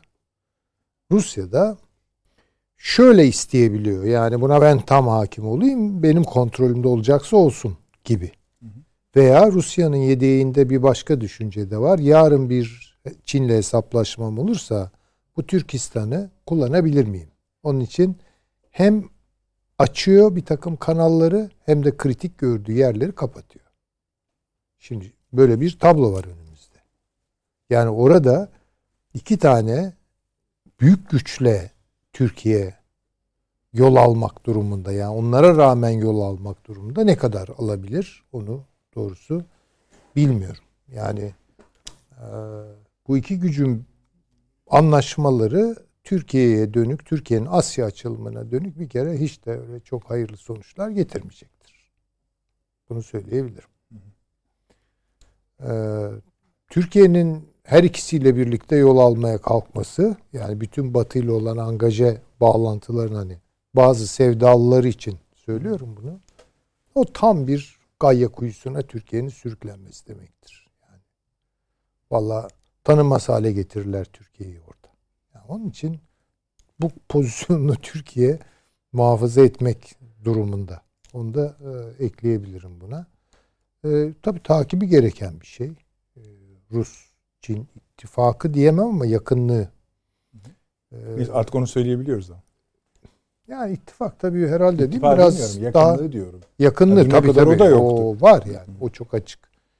Paralel noktadalar belli açılardan. İşte ortak düşmanları var Amerika. Belki buna Japonya'yı da eklemek lazım. Öbür tarafta. Ee, yani Asya şu an hakikaten baş pehlivanlık güreşlerine sahne oluyor. Yani Türkiye tabii orta destede ağırlığı olan bir Başaltı diyelim. Başaltı diyelim. Ee, biraz bizim dışımızda bir lig kuruldu ama sonuçları orada neyin ne olacağını Türk Dışişleri tabii takip ediyor. istihbarat.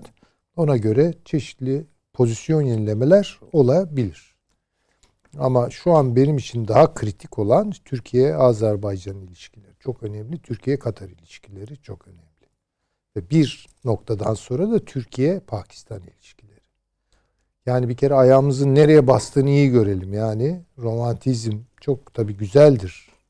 Yani ufuk açar ama o ufukta kaybolabiliriz. Ee, yanılmıyorsam şeyin düşüncesi değil mi üstadım? E, filozof Razi'nin Razi, afaki, evet, tabii, afaki evet. düşüncenin doğuracağı problemler vardır. Ufuk güzeldir de yani. Orada kaybolmak da mümkün. Şu an tabi biraz bakmak lazım. Yani ayağımızı bir e, şeye Bakü'ye koymuşuz. E, Katar'dayız. Çok önemli. Pakistan'dayız. Bu üçlü çok önemli. Ama o üçlüde neler olup bitiyor? Bence şu an Türkiye'nin birinci problemi bu. Ama sonra tabii ki takibi gereken bir Asya meselesi var. Bir Karadeniz meselesi var. Bir Orta Doğu meselesi hep artık bu aralar gözden kaçırıyoruz ama işte Libya'da ne oluyor? Yani bir Doğu Akdeniz meselemiz var.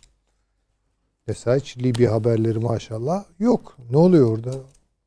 Yani bizim Türk matbuatı da e, medyası da bir alem yani. Hocam, Tamamen trend. faturayı kim ödedi filan onlara bakıyor yani. Türk yani hayır bir de hani siyasi mevzular bile bugün bakalım ne olduğuya göre. Ya biraz evet. takip edin bir ilişkileri kurun Allah aşkına yani. Her gün o, Libya'da ne olduğunu öğrenmeli. Oraydan Türk. çıkalı çok oldu Süleyman Hocam. O sonra Ama, nasıl oturacak ben de bilmiyorum yani. Olmaz yani. Libya'yı unuttuk şimdi. Dediğiniz gibi trend üzerine. Dalga e, şu anda bugün e, modayı konuşmuyoruz evet. ama bu siyaset yani. Çok hayati bir şey. Hocam, Modadan daha hayati bir şey. de gün yani yumurta gibi günlük yaşıyoruz. Evet yani bu bu kadar da olmaz. Ondan ne sonra evet. tabii her şey sansasyonel oluyor. Birden aa falan diye veriyoruz. Suriye'de ne oluyor? İdlib'de ne oluyor? Bakın işte birden bir tatbikat şey e, baya bir harekat oldu. Çok önemli bu. Çok çok önemli. Yani e, herkes Ukrayna'yı konuşurken orada başka bir şey oldu. Tabii bunu dışişleri belli bir örgü içinde takip ediyor da yani kamuoyunu da biraz belli açılarda herhalde bilgilendirmek lazım. Değil mi? Ee, bu olayları teellemek, biraz birbirine bağlamak falan gerekiyor. Ee, çünkü şey fotoğrafın bir bütünlüklü tarafı var. Yani onun için daha bütüncül bakışlar üzerinden bunları değerlendirmek lazım. Mesela Asya meselesi böyle benim için. Yani orada bütün ağırlığıyla bir Çin var ve bütün ağırlığıyla bir Rusya var. Girmeye çalıştık, çok iyi yaptık. Bir adım da attık, geriye çevrilmez bu.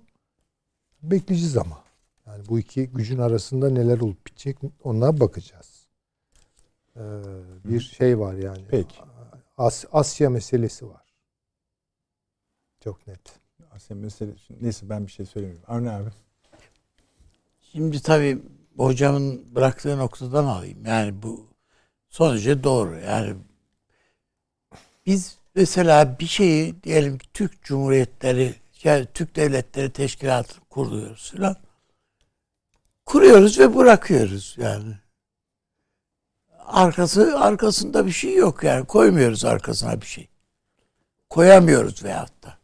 Çok fazla bir şey. Yani geçen salı gün günü de söyledim. Yani yani iki devlet bakıyorsun su anlaşmazlığı yüzünden birbirine giriyor insanları, halklar. Ya Türkiye ya kardeşim bu askeri bir mesele değil. Yani şu değil bu değil. Ya bu su konusunda yani bir oturalım biz araya yani tamam Ukrayna ile Rusya'nın arasına ara buluculuk girmek var da e, Tacikistan'la Kazakistan'ın arasına Kırgızistan'ın arasına da girmek niye olmasın yani?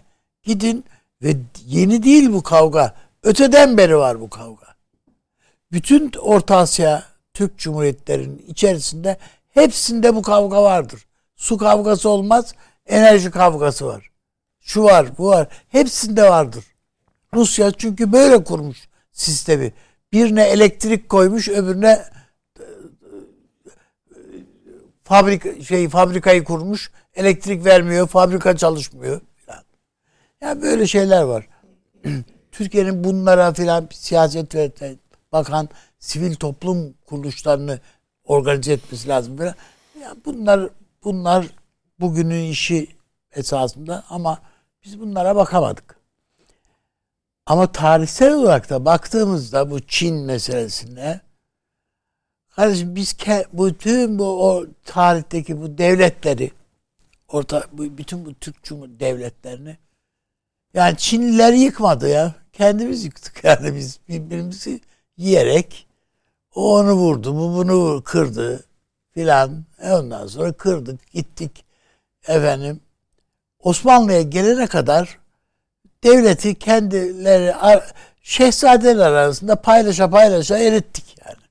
Osmanlı'ya gelene kadar. Yani o kadar ki Cem'le Beyazıt arasındaki kavgada bile Cem en sonunda teklifi odur. Ben Anadolu'yu alayım, sen Trakya'yı senin olsun diye abisine söylüyor. Beyazıt'a. Allah'tan Beyazıt'ta akıl galip geliyor ve reddediyor. Yani devletin birliği o olay sonrası bizde. Tekrardan sağlandı. Ama bakıldığında işte Ankara Meydan Savaşı'ndan 33 yıl herhalde. 33 yıl sonra İstanbul'u fethettik. Ya 51 yani yıl. Bir anda bir anda bakıyorsun devlet dağılmış. Bir anda. Onun için yani Türkiye'de dağıtmak son derece kolaylaşıyor. Gayet rahat. Yani biz birbirimize yani dışarıdan birilerinin bir şey yapmasına gerek yok yani birbirimize yetiyoruz zaten. Onun için dağıtabiliyoruz. Bu bunu derhal biz bunu te, kendimiz gözlemleyip bakıp tabloyu düzeltmeliyiz. Çin'de biz yendik Çin'i. Çok yani tarihte çok yenmişizdir Çin'i. Yendik. Cüci Han diye bir han var. Çin hanedanı. Kendini Çinli zanneden Türkler bunlar. O kadar ki ilk defa onu, bu hanedan sayesinde Türkler entari giydiler. Çin entarileri çok hoşlarına gitmiş. Giyirdi, girdiler. Ya oturup bunları bu bizim Orta Asya tarihimizi ayrıca okumamız lazım. Bu Çin meselelerine falan bakarak bakarken. Bizim gidip Çince biraz bilen bilen olmalı da gidip kaynaklarda çünkü bizim Orta Asya tarihinin bütün kaynakları Pekin'de duruyor. Gidip okuyan olmalı. Ya o, bu Step İmparatorluğu filan diye kitaplar var. Bunları bir okumalı. Ne yapılıyor? Ne oluyor? Niye böyle oldu bu? Cengiz Han'dı, şuydu, buydu. Yeniden bir okumalı bunları. Evet isim olarak çok güzel. Çok görkemli. Yani çok gurur veren isimler ama tarumar olmuşuz yani olmuş. Bunların hepsi. Onun Peki. için bizim Orta Asya tarihini, Çin tarihini ki tarih kurumu bastı Çin tarihini. Bunları hakikaten okumak lazım. Yani ondan sonra uluslararası ilişkiler falan e, yapacak olan insanlar ya bunu bir okusun yani diyorsun. Şöyle bir şey oluyor mu üstadım? Ee, Orta Asya tarihi, Orta Asya demeyelim de ona yani bu Asya tarihi. Türkistan, Türkistan, Türkistan tabii de ama hani mesela evet. Çin'de var, şeyde var. Ya Asya tarihi. Diyor. Evet. Asya tarihi okudukça ve öğrendikçe ben bir şeyi içinde içimde bir şeyin bir izlenimin geliştiğini görüyorum. Türkiye'nin Asya'da yapabileceklerinin ne kadar sınırlı olduğunu öğretiyor. Hiç bilmediğimiz de öğretiyor hocam bize ya yani. tabii yani ama Babur İmparatorluğu diyorsun işte herkes yani, böyle olduğu yerde duruyor ne var diye. Biraz Şimdi hocam Hindistan diyor. Romantizm konusu yapılıyor bu işler. O romantizmin sonra gelip yani insanı şaşırttığı noktalar var. Mesela Kıpçak Türklüğü ile Oğuz Türklüğü arasındaki ayrım kültürel olarak çok hatırı sayılır bir ayrım. Yani şimdi bunu görmek durumundayız. Tabii ki bu bağ kurulmasın, onlarla bir iş yapmayalım falan. Evet. Ama bunlar böyle kolay özdeşlikler ve kolay romantizmler üzerine öyle noktalara taşınıyor ki sonra Kırgız'la Özbek birbirine girdiği zaman ne yapıyor bunlar diye şaşırıyoruz. Bir şey var. Ayağımızın bastığı esas jeostratejimizin şekillendiği bir bir coğrafya var. Buraya çok titizlikle sahip çıkmamız lazım. Bu en fazla Hazar'ın batısı, Karadeniz, Ege, Balkanlar ve Doğu Akdeniz'dir. Bu bizim coğrafyamız bizim diye burasıdır. Bak. Bizim bildiğimiz coğrafya burasıdır. Biz Kırgızlardan hocam, en daha fazla, fazla en fazla burası olmalıdır Tarihsel ikna, olarak öyle. Tamam olabilir. Tarihsel boyut olabilir ama en fazla burasıdır. Bu konjonktür yani bu dünyaya çok uygun değil gibi geliyor bana. Valla Yeni e, dünya yani. yani eğer küreselleşme uçuculaşmaysa dediğiniz doğru olabilir. Yani çok uçucu bir form o koyuyorsa önümüze. Yani Türkiye'nin yaptığı bir Afrika açılımı var. Çok saygıdeğer. Tabii ki. Yani Osmanlı'nın da yaptığı bir Afrika açılımı vardı. Ama Afrika Osmanlı mülkünün içinde bir bir Balkanların tuttuğu bir Anadolu'nun bir Levant'ın Levant bölgesinin tuttuğu ağırlığı tutmaz. Yani ya böyle birden coğrafyaları falan böyle bir hemen Hayır, onları eşitleme aritmetik... ihtiyacımız yok ki hocam. Yani bizim alakamız var. Ama işte bakınız ne Çıkar oluyor? yani. Ya çıkar. Tamam takip edelim. Yani Kırgızlarla da çıkarımız vardır. Kazaklarla da vardır. Yakınlıklarımız bu konuda kolaylaştırıcı olabilir. Şimdi bakın bizim meselemiz mülk meselesidir. Mülk nereye oturuyor? Önce ona bir bakmak lazım. Mülk bizim bildiğimiz ta Selçukilerden başlayarak işte bahsettiğim coğrafyadır. Yani Anadolu ile Rumeli'yi ve Levant'ı ve Doğu Akdeniz bölgesini. Yani eski Roma topraklarıdır canım. Adını da koyalım yani. Diğeri evet. Rum'dur yani. Bu diyarı Türk olmuştur. Bu kadar basit. Ama ondan daha ileriye doğru gidip burada bulabileceklerimizi ve bekleyebileceklerimizi orada da bulabileceğimizi falan düşünüyorsak çok yanılıyoruz bakın söyleyeyim. O dimyata giderken eldeki pirinçten olmak gibi bir sonuç doğurur. Bizim Türk zihin dünyasını şu an yapması hadi edebi karşılıklarıyla vereyim. Ee, Yahya Kemal aklıyla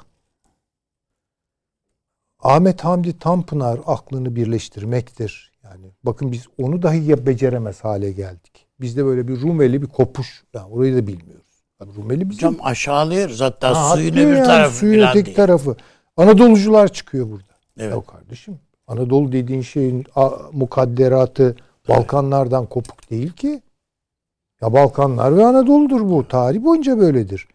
Oraya Karadeniz sanki başka bir deniz. Burası Ege başka bir deniz. Bir de Akdeniz falan. Akdeniz'dir buraların. Hepsi Akdeniz. Mare Nostrum'dur. Yani. E, yani siz de biliyorsunuz Giritli dediğiniz vakit birisine sanki gavur çocuğu gibi. der gibi bakın. Bunları atalım ya. Bu hakikaten imparatorluk vizyonu bugün bize lazım. Başka... Bunu yani Osmanlı'yı ihya etmek istiyorsun? Hayır efendim. Real o, bir yani o duygu dünyasını ihya etmek. Et, etmek o başka bu bir çok şey. kolay. Yani Balkanlara gittiğiniz zaman hiç yadırgamıyorsunuz. O kadar tanıdık coğrafyalar, o kadar tanıdık kültürler, o kadar tanıdık müzikler, o kadar tanıdık yemekler.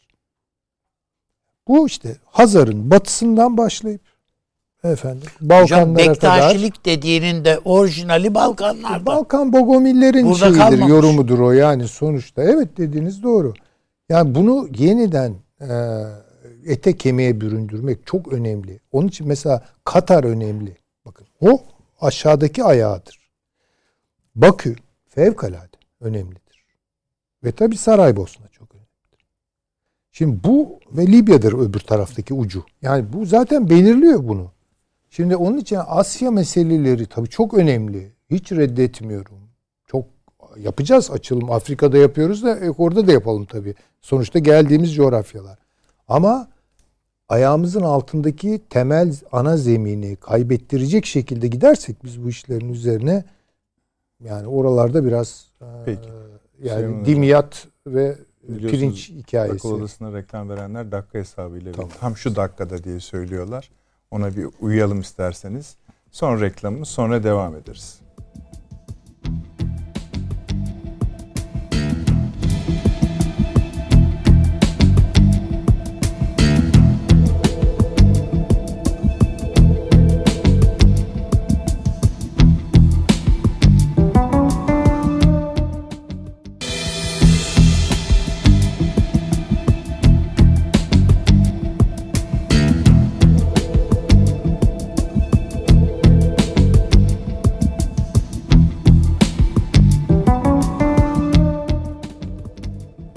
Odası devam ediyor efendim. Çağrı Hocam bu konuda konuşmak ister misiniz? Ben size şöyle de bir zemin vereyim. Ee, yeniden Asya politikası, politikalarımız var. Yani Projeksiyon değil bu yani. Hayata geçmiş durumda siz biliyorsunuz. İşte Azerbaycan Ermenistan Savaşı'nın ardından bir Kavkasya, yeni bir Kavkasya çıktı. Altılı var. Türk Devletleri Teşkilatı var. Sayılan e, hocamın saydı işte Pakistan, Azerbaycan, Katar. Bunlar hep bu miğferi ilgilendirenler. Ee, siz mesela sınırlarımız konusunda ne düşünüyorsunuz? Tabii dünya küçüldü. Hı. Mesafeler artık daha kolay aşılır hale geldi. Hem ulaşım vasıtaları sebebiyle hem de teknolojik imkanlar sebebiyle para transferlerinin önünden engeller kalktı. İşte Cumhuriyet tarihinin en büyük ihracat rekorunu kırıyor. Bir bakıyorsunuz Türk iş adamları bugün Afrika'nın en ücra köşesinde mal satmak için pazar pazar dolaşabiliyorlar. Aynı şekilde Asya'nın, Latin Amerika'nın değişik yerlerinden buraya insanlar geliyor okumaya. İlginç bir dünyadayız ve böyle bir dünyada da tabii ki Türkiye'nin tasavvuru hem ticareti anlamında hem ekonomisi anlamında hem siyasi itibarını geliştirmek anlamında artık küresel boyutta. Biz e, evvela kendi hocamın az önce tarif ettiği o yakın çevremizde ki ben ona beş deniz havzası diyorum. Yani Hazar, Basra Körfezi, Kızıldeniz, Akdeniz ve Karadeniz.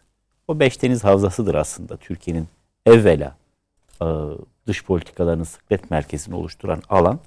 Akabinde onların arkasındaki geniş alan ve nihayetinde dünyanın her tarafı. Bakın şu an Elan bir Türk heyeti yaklaşık 25-30 kişilik bilim adamımız, bilim insanımız, kadınlar da var bilim insanımız Antarktika'dalar. Buradan törenle uğurlandılar. Bir kutup ekibimiz var bizim ve kutuplarda bizim bir istasyonumuz var. 19 tane devlet bir araya gelmiş. Burası demiş bizim bir anlaşma yapmışlar falan. İstediğimizi sokarız, istediğimizi sokmayız. Bir dakika ya burası insanlığın ortak malı. Ve inanılmaz hiç araştırılmamış yani en az Sibirya'ya kadar hiç araştırılmamış belki de kaynaklar acayip madenlerin olduğu, kaynakların olduğu bir yer burası. Dünyanın Sadece en büyük temiz bile çok büyük rakamlarla ifade ediyor. Yani, yani saymayalım onu da. Balıkçılık, işte orada iki kilometrelik bir yani temiz değiliz. su buzulu var. Evet. Buzulun altında ne olduğunu bilmiyoruz filan ve Türkiye oraya bile geç olmakla beraber geldi. Bir istasyon kurdu ki bir söz sahibi olsun. Buranın geleceğine ilişkin. Dolayısıyla bugün ki dış politikanın o tasavvurlarıyla 25-30 sene evvelinin, bir asır evvelinin mukayese kabul etmez. Her dönemin kendine has şartları var. Süleyman Seyfi Hoca'nın ifade ettiği hususla ilgili bir belki de beynimizdeki kıymığı, onun verdiği ızdırabı paylaşmak lazım. O da şu maalesef bizim tarih öğretimimizde ve siyasi tarih yani uluslararası işler tarihi öğretimimizde Eurosantrik, Batı merkezli, Avrupa merkezli bir anlatı hakim olmuş. Bugünün meselesi değil bu. Osmanlı döneminden beri hakim olmuş. Yani tarihi siyasi adıyla Harbiye Mektebi'nde ve Mülkiye Mektebi'nde okutulan uluslararası işler tarihi tamamen batı tarihidir. Çünkü bizim o tarihte hocalarımız büyük ölçüde e, Jön Türkler arasından bunlar batıyla çok ilişkili Fransa'yla esasen Fransızca biliyorlar filan. Ve oradan tarih kitaplarını getirip tercüme. İçeriye bulaşmak çok şey kabul edilmiyor. Yani hemen sansürleniyorsun. Hemen mesela Abdülaziz döneminden bahsediyoruz. Yani o zaman neşriyat neşriyat e, umum müdürlüğü kurulmuş. Sansür yani aslında. Arkasından Abdülhamit döneminde de keza kelimeler yasaklanıyor filan bazı kelimeler. O yüzden iç siyaset diye bir şey yok. İçeride siyaset yok. O zaman ne yapacaksın? Tarihi siyasi deyince siyasi tarih Fransız devriminin tarihini ta Magna Carta'ya giderek anlatmaya başlıyor ve bu maalesef Cumhuriyet döneminde de bu şekilde devam ediyor. Bu, bugün de böyle devam ediyor. E, şunu söyleyebilirsiniz ya o dönemde işte uluslararası işlerin temel aktörleri Batı dünyası olduğu için onların tarihini öne, öne öğrenmek önemliydi. Ama arkasından işte Çin var, Hindistan var. Deminden beri konuşuyoruz. Türkiye'nin bir Asya açılımı var. O zaman şöyle programlayacaksın bu işi. Yani senin hariciyen eğer bir Asya açılımı yapıyorsa eş zamanlı olarak Milli Eğitim de Asya tarihine biraz daha fazla yer verecek ders kitaplarında. Sadece Türk tarihinden o da yarım yamalak ibaret olmayacak benim öğrendiğim. Benim öğrencimin öğrendiği, çocuklarımın öğrendiği. Çin tarihini de biraz öğrenecek. Hindistan tarihini de biraz öğrenecek. ve coğrafya ile beraber öğrenecek. İşte en büyük ızdırap bu. Tarih ve coğrafya bizde birbirinden çok bağımsız anlatılıyor. Yavaş yavaş düzeldi bazı şeyler. Elbette bizim tarih dersi aldığımız dönemden çok farklı ama hala üniversite sıralarında bile mesela ben bunu hep ilk derslerimde yaparım. Biraz böyle tarih metodolojisi anlatırken tarihte niye önemlidir coğrafya? Sonra bakayım Karlofça'nın tarihini 1699. Nerede Karlofça? Hmm. Bak herkes bilir Dandanak'ın tarihi 1040. Herkes evet. öyle bir ezberlemiş Dandanakan 1040. Mirya Kefalon 1176 evet. falan ezber. Nerede kardeşim Mirya Kefalon? Koyunhisar Harbi nerede oldu? Bilmez. Çünkü öğretmeni de öğretmemiştir onu. Harita üzerinde göstermiyor. Halbuki şu anda sınıflarımız her türlü teknolojik imkanlarla da dolu yani. Yani bırak o kadarına gitme. Musul neresi diye soruyor. Ya onlar ayrı ciddi Haritada sıkıntılar. Şimdi biz de bizim mektepte Libya operasyonu olana kadar yani Fizan'ı atasözü var. Orada yeniden milli öğrendim. milli şuur belki de milli şuurla ilgili en güzel ifadelerden bir tanesi de Halil Rıfat Paşa. Böyle yazmışlar. Ne demiş? Gidemediğin yer senin değildir. Ama bilmediğin yer de senin değildir. Yani evvela bileceksin. Evet. Bir eğer bizim Asya açılımımız olacaksa bizim Asya uzmanlarımızın çok sayıda olması lazım. Bunlar lisan bilmeleri lazım. Topografya bilmeleri lazım. Yani gözü kapalı böyle nereden hangi nehir geçiyor? Siri Derya nerede? Amu Derya nerede? Seyhun, Ceyhun Değil mi? Altay Dağları, Tanrı Dağları. Evet. Biz nereden çıktık geldik? Değil mi? Ergenekon destanı, şusu busu bunları bilecek. Kültürüyle Eyvallah. bilecek, mitolojisiyle bilecek. 2-3 tane Ziya Gökalp şiiri de bilecek. tamam bunları bilmeden küçüktüm, ufacıktım, top oynadım, acıktım. Bunları bilecek yani. Ondan sonra senin bir Asya açılımın olacak. Hocam süre. Senin bir Afrika açılımın olacak. Ee, maalesef biz hala biraz böyle batı merkezli bir tarih anlatısı. Bunun üzerinde çok uzun durulur. Olduğu için yavaş yavaş mesela Anadolu'yu keşfediyoruz. Sadece çevremizde değil, biz bulunduğumuz topraklarda da belli bir derinliğin altına inmiyoruz. Ya Hititler de burada, Asurlar da burada. Atatürk döneminde biraz çaba gösterilmiş sonra unutulmuş bunlar. Kimse bilmiyor yani eti medeniyetini. Bunları belki biraz daha işte Göbekli Tepe'nin de getirdiği o heyecanla biraz daha fazla okumalıyız diye düşünüyorum. Teşekkür ederim. Ömer abi senin sözlerini bitirelim istersen. Bir iki dakikamız var. Bu konu senin konun. Yok gayet hocam güzel iki, iki hocamız da gayet güzel toparladılar esasında. Yani tabii ki coğrafyaya oturmayan bir tarih anlayışı, şiir anlayışı, yani şiirden ibaret bir tarih anlayışı bir devleti ayakta tutmaya, bir milleti ayakta tutmaya yetmiyor. Yani şiir var işte vatan Türklere ne Türkiye'dir ne Türkistan müebbet ve ebed bir ülkedir Turan. Neresi? Belli değil yani işte nereye dersen orası filan gibi. İşte bunlar ayakta tutmaya yetmiyor bir toplumu, bir milleti. Ee, ama esas damarlara baktığın vakit az önce reklam arasında falan da konuştuk işte hocamla falan. Baktığında Balkanlarda görüyorsun. Yani nereden ya bunlar yani bir kısmı Türk bile değil. Sonradan Müslüman olmuş bizim sayemizde burayı, bu toprakları, bu insanları ta, bizi tanımış yani filan. Adam evet o öyle diye bakıyorsun ama e, baktığında bir şey e, termo şey termos gibi bir kültüründe termos olur mu canım? İşte olmuş. Muhafaza etmiş ya. Yani ezan okuyunu şu ezan nasıl okunur orada var yani işte burada da var. Ama o Anadolu ağzıyla e, nasıl okunuyorsa orada okuyor işte. Yani bunlara bakmak lazım. Peki diye düşünüyorum. Çok teşekkür Ama ederim. inşallah Ama bunların inşallah... önemini zaten e, giderek daha bir fark fark eden bir e, toplum haline geliyoruz yani. Peki aynı zamanda reklam arasında anlattığın liderlerimizin eski yeni tarihe tarih anekdotlarında bir gün yayında paylaşma imkanı bulursun. İnşallah. diye söyleyelim. Evet. Seyircilerimize seni evet. Deşifre etmiş olduk. Evet. Sorumlu hale getirmiş olduk. Harun abi çok teşekkür ediyorum. Çok sağ olun. Hepimiz. Evet. Eksik olmayınız. Biz de. Kandinizi yeniden kutluyorum. Süleyman Hocam. Sağ olun. e, Şey tartışmamız bitmedi. Rusya için tartışmamız. Sizinle devam, Devam edeceğiz. ederiz. Hocam çok teşekkür ederim. Sağ olun. Ağzınıza sağlık. Tekrar efendim sizlerin de Regaip Kandilini kutluyoruz. İyi geceler diliyoruz.